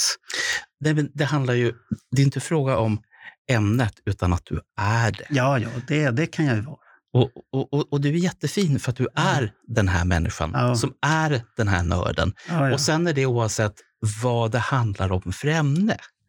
Uh, jag kan, ju, uh, kan jag få backa lite grann? 1975, då var jag 13. För mig räckte det, om vi pratar om Formel 1, då räckte det med att ha Ronnie Peterson-affischer på väggarna. Och så klippte jag ur, ur Expressen som mamma och pappa köpte. Så, ja, det, det, det, oj, oj, oj. så klippte jag ur allting och så var det jättebra så. Medan idag, nu möter jag det här Formel 1-suget. Det har jag inte haft sedan 75 då Pettersson dog. Eh, men, han, han dog 78. Förlåt. Ja. För att inte jag kom I min värld så dog han 75, men eh, hoppas inte hans Nej, jag hoppas att han inte hör det i alla fall. Okay. Nej, nej, men för, för nörderi finns det ju. Jag, menar, jag berättade ju tidigare här i podden att jag har ju lagt, lagt ner oförskämt många timmar på att försöka snoka i Freddys husaffärer, vilket är helt ovidkommande. Jag menar, finns det två i hela världen som bryr sig om det? Och, och, du, du la ju ner hur mycket tid som helst på att söka om här, vad heter han, Sam Loomis där. Fy fan vilka teorier han hade. Ja, ja, ja. Och de är alla bra. ja, de är jättebra. Men du, du och Jonny skulle passa på en jävla bra på en öde ö och sitta och ha teorier båda två där. De skulle, sitta, de skulle vara helt utmattade och dö utav svält för de har så mycket teorier. Men Herregud. Det, det som är skönt med Jonny, och jag känner honom inte under lika lång tid som du nej, gör, nej. men det som jag gillar med honom är att han är, enligt mig, okomplicerad och framför allt så, så har han inte liksom fast i, i, i fyrkantiga teorier utan nej, de, nej, de, kan dra iväg precis var som ja, helst. Ja, de drar iväg. Och det, är det, och det är det som gör de här kreativa grejerna. Jag älskar kreativa människor och jag älskar andra människor också. Men det är skönt att lyssna på människor som inte har några begränsningar i sina teorier och fantasier. Sen kanske man måste dra i kopplet ibland och säga att du, eh, du är helt fel ute. Ja, men, men det är det som är charmigt Ja. till exempel om vi tar en annan person i det här. Nu har han ju flyttat från Stockholm, Patrik Larsen. Ah, Ja, han är ju en vän som jag har känt jättelänge också sen jag gjorde hans No Doubt-fantidning och sånt här. Och det är en person som jag tycker, han kan vara komplicerad om man inte känner honom riktigt. Man, man tycker han flänger hit och dit, men låt han vara vad han är så han är jävligt rolig. För han har så mycket, han, han snippar upp lite där och lite där och så sitter han och blandar ihop det där. Har du tänkt på det här? Tänk om det är så? Och så tycker många människor, åh vad fan vad skruvad han är. Och, och många gånger kan han få rätt. ja. Och det är det som är, Ja, men det, ja. det, det är det som är det roliga, att man sitter har sådana här idéer. De Ja. tänker några steg längre än vad de flesta. De, de läser Aftonbladet och blir nöjda att Gene Simmons haft en sexorgie utan att ta reda på vad, vad innebär en sexorgie först och främst. Och eh, det är flera personer eller om det är en person och vad gjorde han egentligen? Och så är det Det ni bara. säger är intressant, men, men alltså, nörd kan ju ibland ha vissa negativa konnotationer. Däremot tycker jag att när man pratar med människor som är nördar inom egentligen Ja. vilket intresse som helst så är det ju jättespännande om man är öppen för att lära sig. Och jag kommer från en bakgrund där det handlar om att lära sig och utbilda och den biten. Så jag hade ju en kompis som var ornitolog här i, i- mitt inne i bushen här. Han hade ju inga ornitologkompisar så han får ju ner till er och tittade på en brun fink. Och så åkte han Okej. tillbaka samma dag. Och det är ju en jävla massa timmar. Eh, men jag tyckte det där var så spännande. Hur kan någon göra den trippen för en... Och inte säkert att han får se den heller. Han kan ju bomma den. Och det har ju hänt. Åk till Öland, ska titta på en fågel. Den var inte där, åkte hem. Ja. Så den typen av intresse är ju jättespännande. Så jag var inte fågelintresserad, men jag var intresserad av den här killen för han var så otroligt kunnig.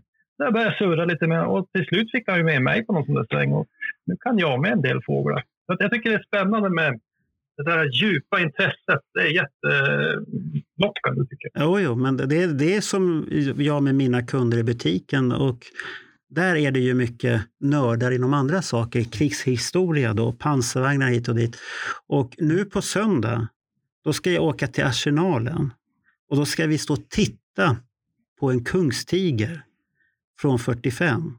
Alltså tyskarnas stora, då ska vi stå och titta på den. Ja. Och det är en stor bjässe och det låter ju jättetokigt för många när man säger jag ska åka och titta på en kungstiger. Varför då? Finns det inga bilder? V- vadå varför då? Det, det är ingenting man... Det, det finns bilder, men du ska ju stå bredvid och se den där bjässen. Ja, ja. Det är ju som Gene Simmons du, när du stod på frontlinjen. Shit, vad nära Ja. han är. Jag känner ju hur han andas på mig. Och han kastar handduken och flaskan på dig och alltihop och du blir glad. Ja. För att det, det är den En här... del har ju inte den där förståelsen. Nej, en del har inte nej. den förståelsen. Jag tänkte bara på veckan innan skolan slutade. Då berättade jag för kidsen att jag skulle få sig Kiss. Och så var det bara en grabb där han tittade på mig och sa varför då? Jo, men vad fan, det är ju jättehäftigt att vara på konsert. Men du kan ju se på Youtube. Ja, men det är ju inte samma sak för Nej, det är klart inte. För han, jag blev så. Jag fick, jag fick ju lägga lektionsplanen åt sidan och så fick jag förklara för dem skillnaden mellan att vara på konsert live och se på Youtube. För du vet, vara kid och bo ute i bushen, de har ju aldrig varit på någon konsert. Nej, nej, det, det, det måste vara en De upplevelse vet sådana fall. det måste vara en upplevelse. Jag, jag hör ju att de här hundra konsertställena, jag hör ju minst två ställen nu i Sverige. Jag hör Malmö och jag hör Luleå. Har du hört Luleå? Nej. Jo, i, i, i, i min fantasi så, så är Luleå. Luleå har man aldrig sagt. Och, och sen så kan de åka över sen till Uleåborg. Jaha, det var det han ville få in här. Nu, nu kommer Det Men- är Ben var en gång. Ja, men vi pratar om orger. Jaha, Jag är var du på spåret här nu? Ja, nu, nu, jä- nu jäklar. Nu ska vi prata om orger. Och en del tror ju att det handlar om sex. Nej, Nej. nej. Utan jag tror fan av att vi, vi, vi, vi är här allihopa. Lyssna på den här formuleringen. Är ni beredda? En orgie Ja. är en tillställning där flera personer tillsammans ägnar sig hämningslöst åt något. Jaha, då var vi i en orgie i Göteborg. Ja. Ja, det, det, var, intressant. och, Okej. och det är därför som Expressen måste sätta ordet sex framför. Ah. Så att vi, var, vi, var vi då? Var vi en orgie eller, eller måste vi då skriva att det var en konsertorgie? Då, då var jag värre än Gene Simmons. Jag var på tre orgier Ja, på raken där efter varandra. Så det, det var riktigt häftigt. Jag hade bara tänkt att det här ja, kan ja. vi få fundera en stund. Oj, oj, oj.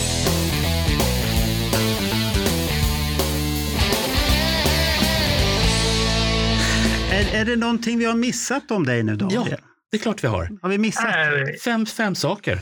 Ja, men jag tänkte mer om, hans, eh, om sitt liv här nu. Har vi missat någonting viktigt om ditt liv? Det finns jättemånga viktiga aspekter. Men jag vet Eh, vadå? eh, Om vi, och, och vi säger så mer här, bästa Kiss-skivan då, enligt dig? Alltså det din egen favorit, alltså det är inte den som är favoriten. Ja.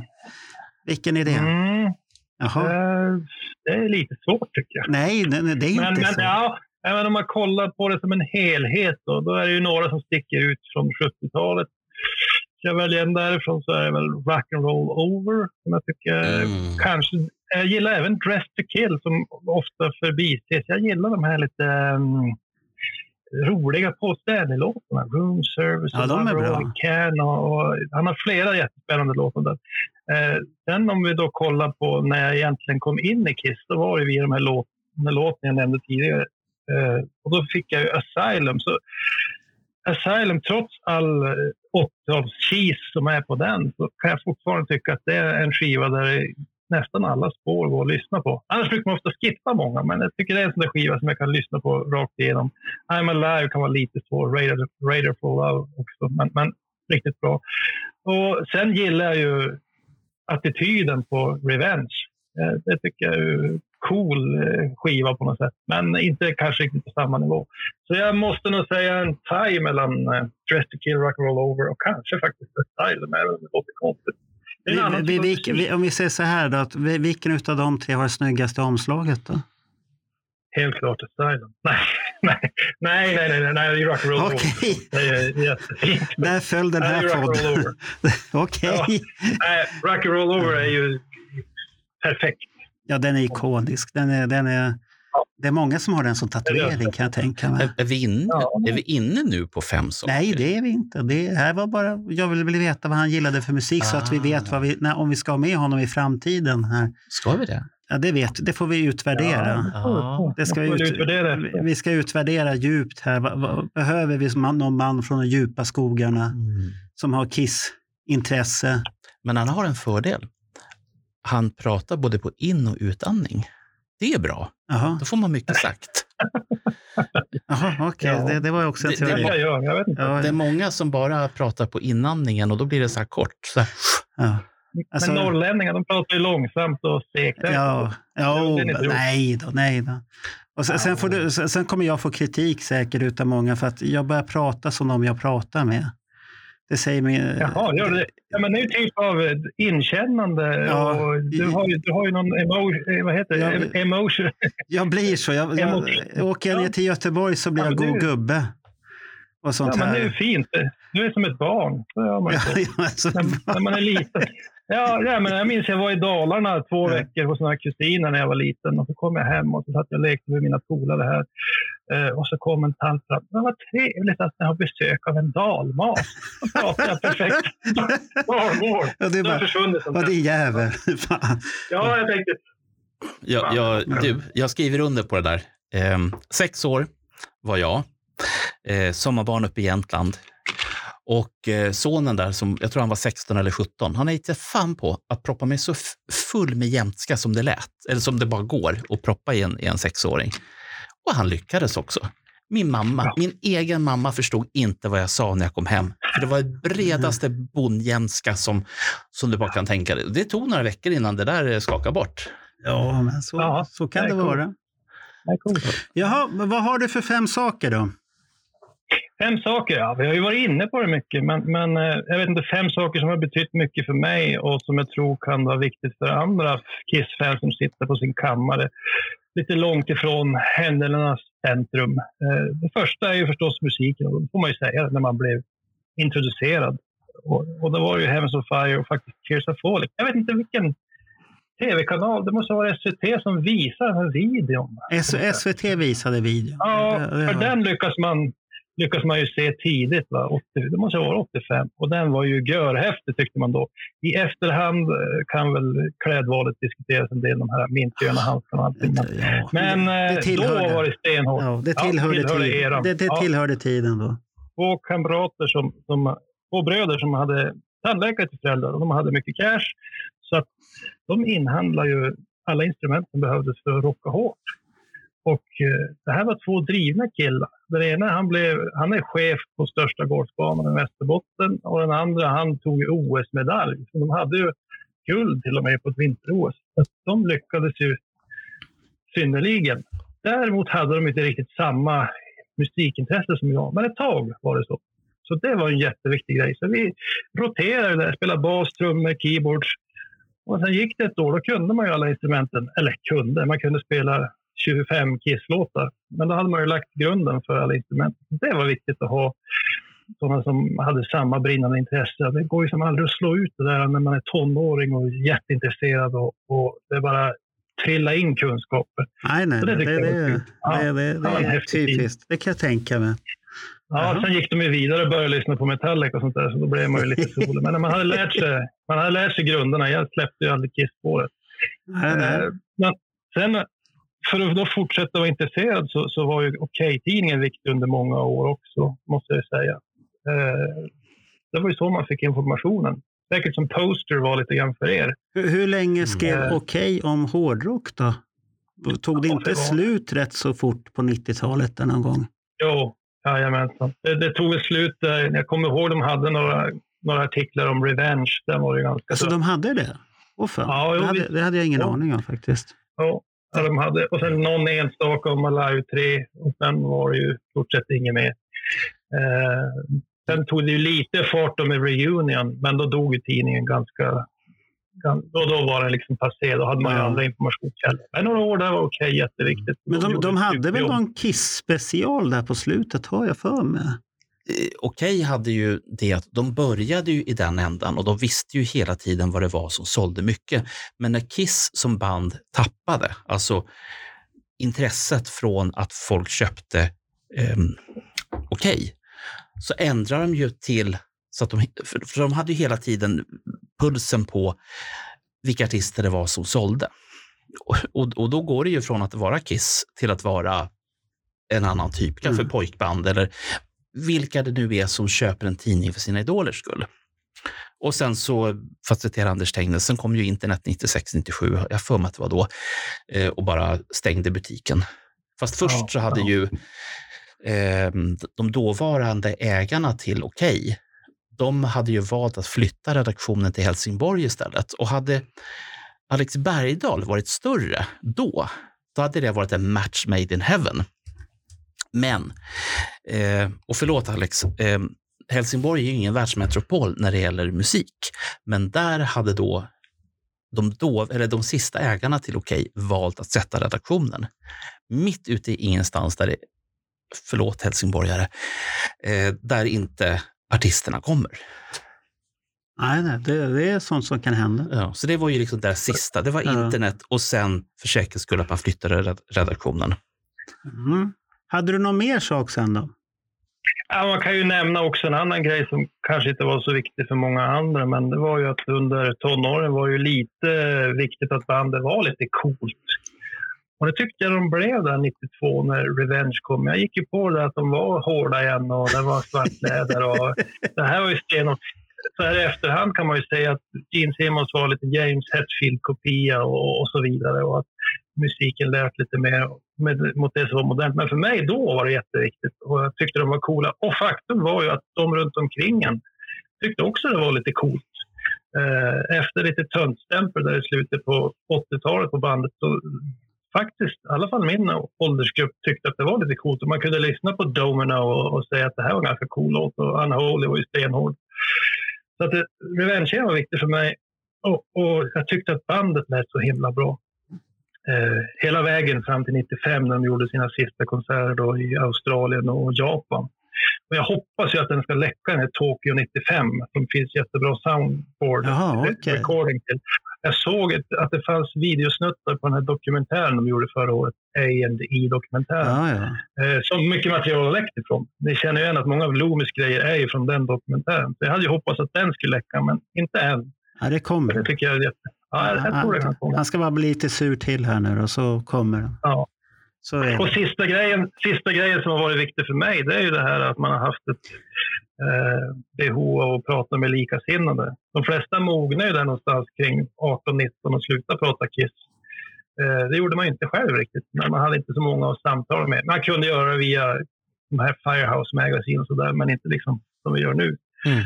Så då var det här med podcasting ganska sent en jätteviktig grej för mig. Att kunna liksom, ja, prata om det man är intresserad av på, på djupet eh, och jämföra och diskutera. Och helt meningslöst för vanligt folk, men för en själv har det varit viktigt. Och jag har gjort det ganska länge och det är fortfarande lika roligt.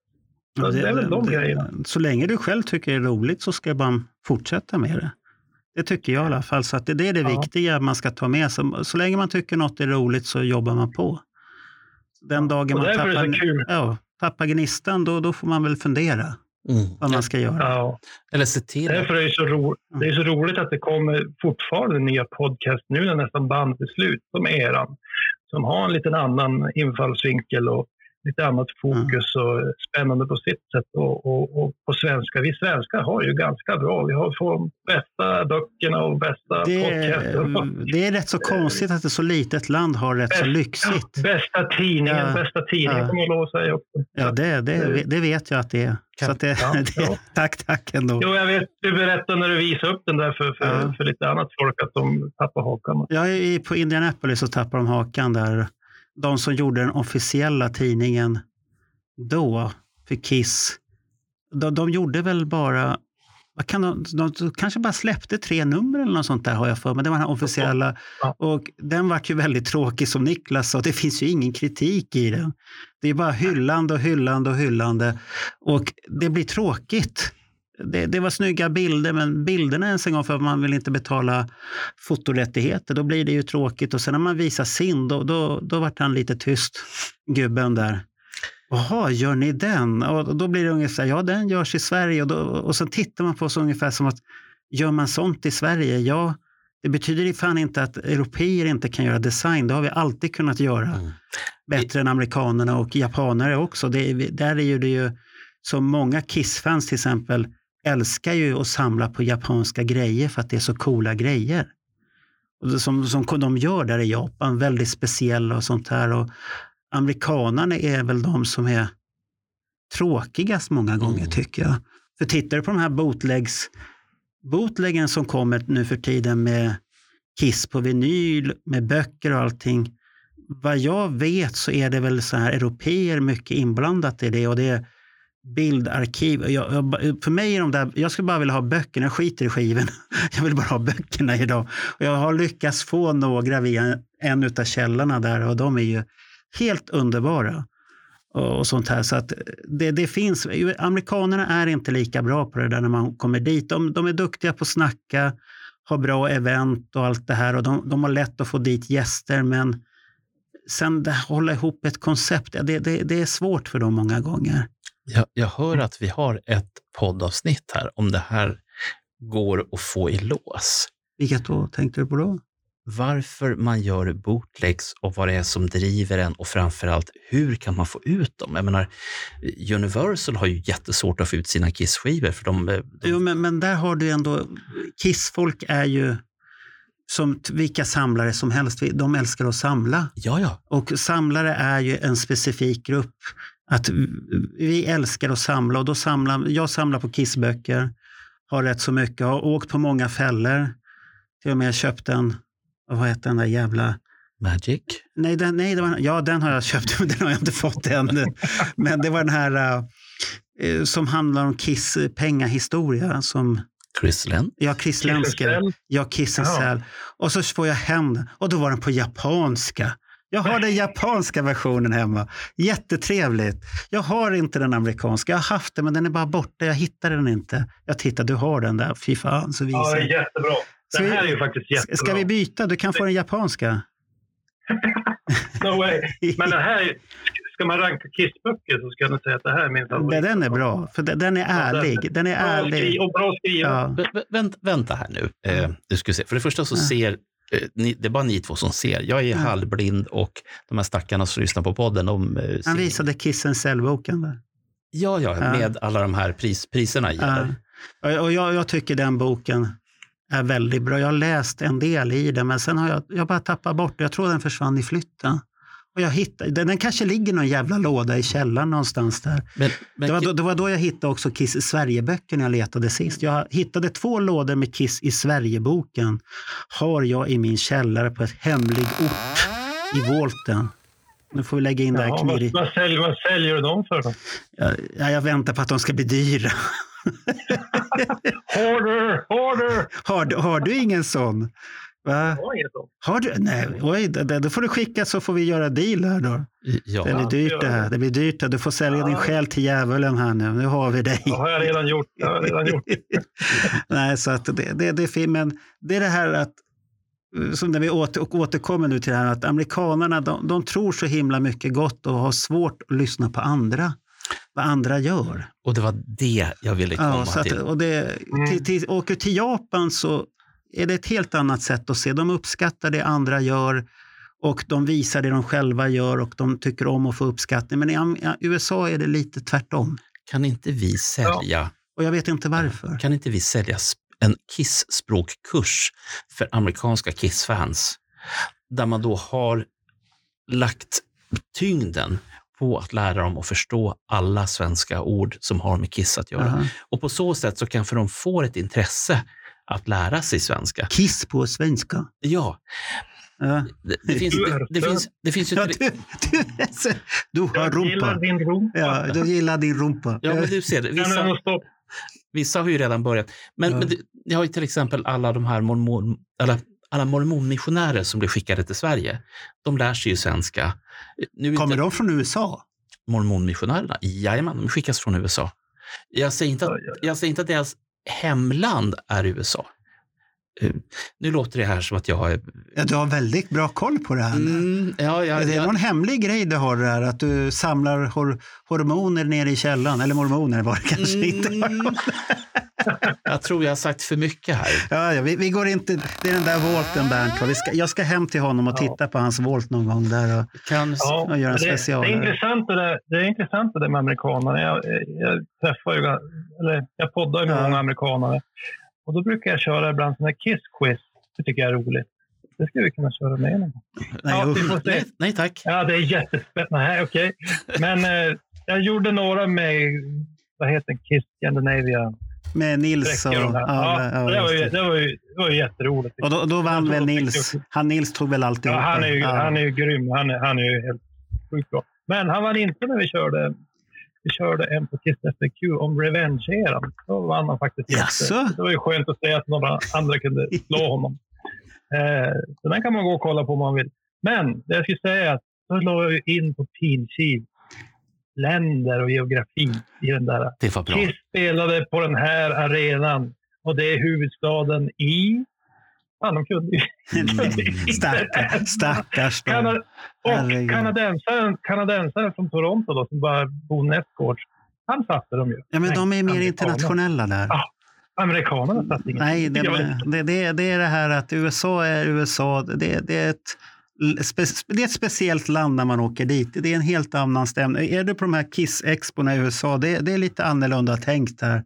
Då är man exotisk helt plötsligt, väldigt exotiskt. Och ändå har de, och så, vad långt ifrån du flög. Ja, men hur länge flög du? Ja, 12 timmar. Då har de själva flugit 12 timmar och vi har flugit 8 timmar. Det, det, det var ingen, det, de var ju värre, men det, det är det här att Ja. Men du är exotisk. Ja, vi, vi är exotiska och det är väldigt...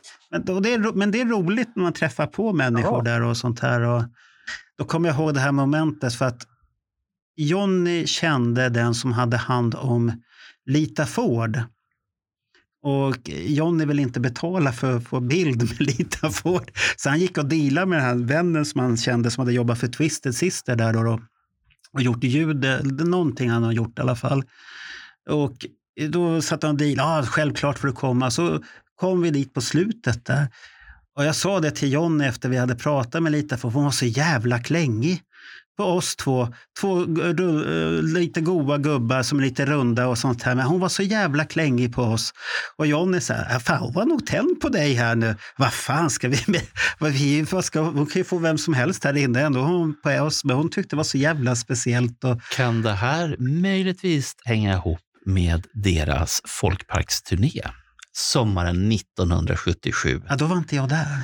Nej, men jag har, jag har en gammal... Jag hade ju Lita, Lita Ford-affischen har jag haft som vi har pratat om Mm. tidigare. Den har ju varit på väggen och det var ju, det var ju målet så att nu träffade jag målet där Mm. borta i sån Jag, vet bara att det här kan vara viktigt att känna till. Jag förstår fortfarande inte hur man Ja. lyckas med att få Runaways på en folkparksturné i Sverige den här sommaren. Men, men det, det lyckas man med. Och sen tack vare då Anders Tegner, Ja. eh, ett par av hans vänner. Eh, de vart ju jättegoda vänner med, med bandet. Det vart också Hans Hattvik som sen lottade ut saker som man inte kan lotta ut nu för tiden för att det inte är så Vad speciellt. var det han lottade ut då? Klädesplagg. Och, och sen var det ytterligare träffar då för de 78 när, eh, eh, när Runaways var där. Ja. Men det där är ju en historia för en annan podd Ja, med, ja, med, andra personer. Men jag tror att det kan finnas lite så exotisch över att de fick reda på att ni var från Sverige. Ja, det, det kan det ju vara. För hon var väldigt... Eh, Jonny sa det, vad fan var det med henne? Och jag sa till Jonny, hon har säkert käkat några jävla tabletter eller någonting. För hon var så jävla klängig på oss där hela tiden. Det, det var ju bara vi kvar där och tyckte att det var så roligt alltihop. Och det vart en bra bild för Jonny också, så hon ser så jävla glad. Men, men det roliga var att hon var en av dem som på det här konventet då, som hade en kö hela tiden på folk som ville betala för att ta en bild och få en autograf med henne. Hela jäkla dy- dy- dygnet, den här tiden var öppet från 10 på förmiddagen till, vad kan det ha varit, de höll på till sju ungefär. Så hade hon en kö. Och det, det var inte många av de andra som hade kö, inte Bruce ens en gång. Mm. Men hon hade kö. Det säger rätt så mycket hur stor hon är i USA. Vi, vi har nog lite svårt att förstå det där att och hon är väldigt stor där. Så det, Jag, jag sitter och tänker här. Det var ju lite banbrytande för, för kvinnlig rock. Ja, jo, det, det var hon ju. Och det, det enda jag reagerar på, det sa jag till Johnny, så hon försöker dölja sin ålder, för hon hade så här eh, lurviga vantar på sig. Och så säger hon, nej, det är för att hålla fingrarna varma, men fingrarna var ju fria. Det var ju mer att det var här uppe på handen som det skulle vara. Så, här. Ju- Så Just nu, så- just ja, nu ja. så visar ja, eh, Marco sina lurviga händer. ja. Men jag har inga lurviga händer. Hon hade såna lurviga bamsevantar. Nej, men, men det ser ju inte de som Nej. lyssnar. Ifall, men jag tycker det ser ut som Ja. det. Eller så ska och, och, så, och så träffade vi ju sen samtidigt, och vad hette hon? Peter Chris första fru. Lydia. Lydia, ja. Hon var snäll. Hon är lika snäll och försynt och som vanligt jättesnäll. Och sen var Erik Kars tjej, han var aldrig ihop, Katty någonting, vad heter hon? Steven. Ja, Steven. ja, Katty Steve, hon var ju där också. Och hon såg förbaskat bra ut fortfarande. Ja, Alltså det, ja. det, och när man, stod, man tappar lite så här, oj, vad ska man säga här då? Så och så var det trummisen från Vinnie Vincent. Han var där också. Det, det var, han var jättetrevlig och vi fick bilder och Carlén var ju framme direkt också och skulle ha bild och så här, stå och fick, posa där. vänta, fick, han, fick han plektrum? Fick han några plektrum? Eh, Ja, han, han, det var ju han Marks låter som var bredvid så eh, troligtvis fick han ju plektrum. Bra. Han gick ju bland alla plektrumstånden och kravlade åt, tog, köpte alla som han inte hade där men, men det var inte många han, behövde för det Nej, mesta men, hade han men, men han fick ju. Men, men nu återgår vi till Daniel. Nu har vi varit ute på ett så här sidospår här igen. Var det någonting mer eller ska vi avsluta där nu Daniel? Ja, vi börjar väl avrunda där så hoppas på att vi ses någon fler gånger. Hoppas att det Ja, det, det, det ska vi nog göra för det finns nog mycket vi kan babbla om. För det, det, finns, en, Ja, det finns en normal kemi där tycker jag. Mm. Med babbel. Det är som, Ja, en, det det är som en champagneflaska. Det kommer och så går det inte att stoppa det. Nej, det är lite så. Då, då, då, blir, då, blir ju frå, då blir ju frågan till våra lyssnare. Fyra timmars poddar. Ska vi köra? Nej, det, det kommer vi aldrig köra. Då kommer Ronny ringa till facket. Ja, Ah. För lyssnarfacket. Det här är för jobbigt. det här så klar, att det- det, det, så att jag tycker vi tackar Daniel här nu och så, Ja, så ska vi eh, återta med honom ett annat samtal. en annan gång. En annan gång, ja. Eh. Vad det blir, om det blir da capo och så här extra avsnitt som vi gör. Där vi bara babblar skit. Men det är ju här som är så spännande att, att vi vet inte just nu.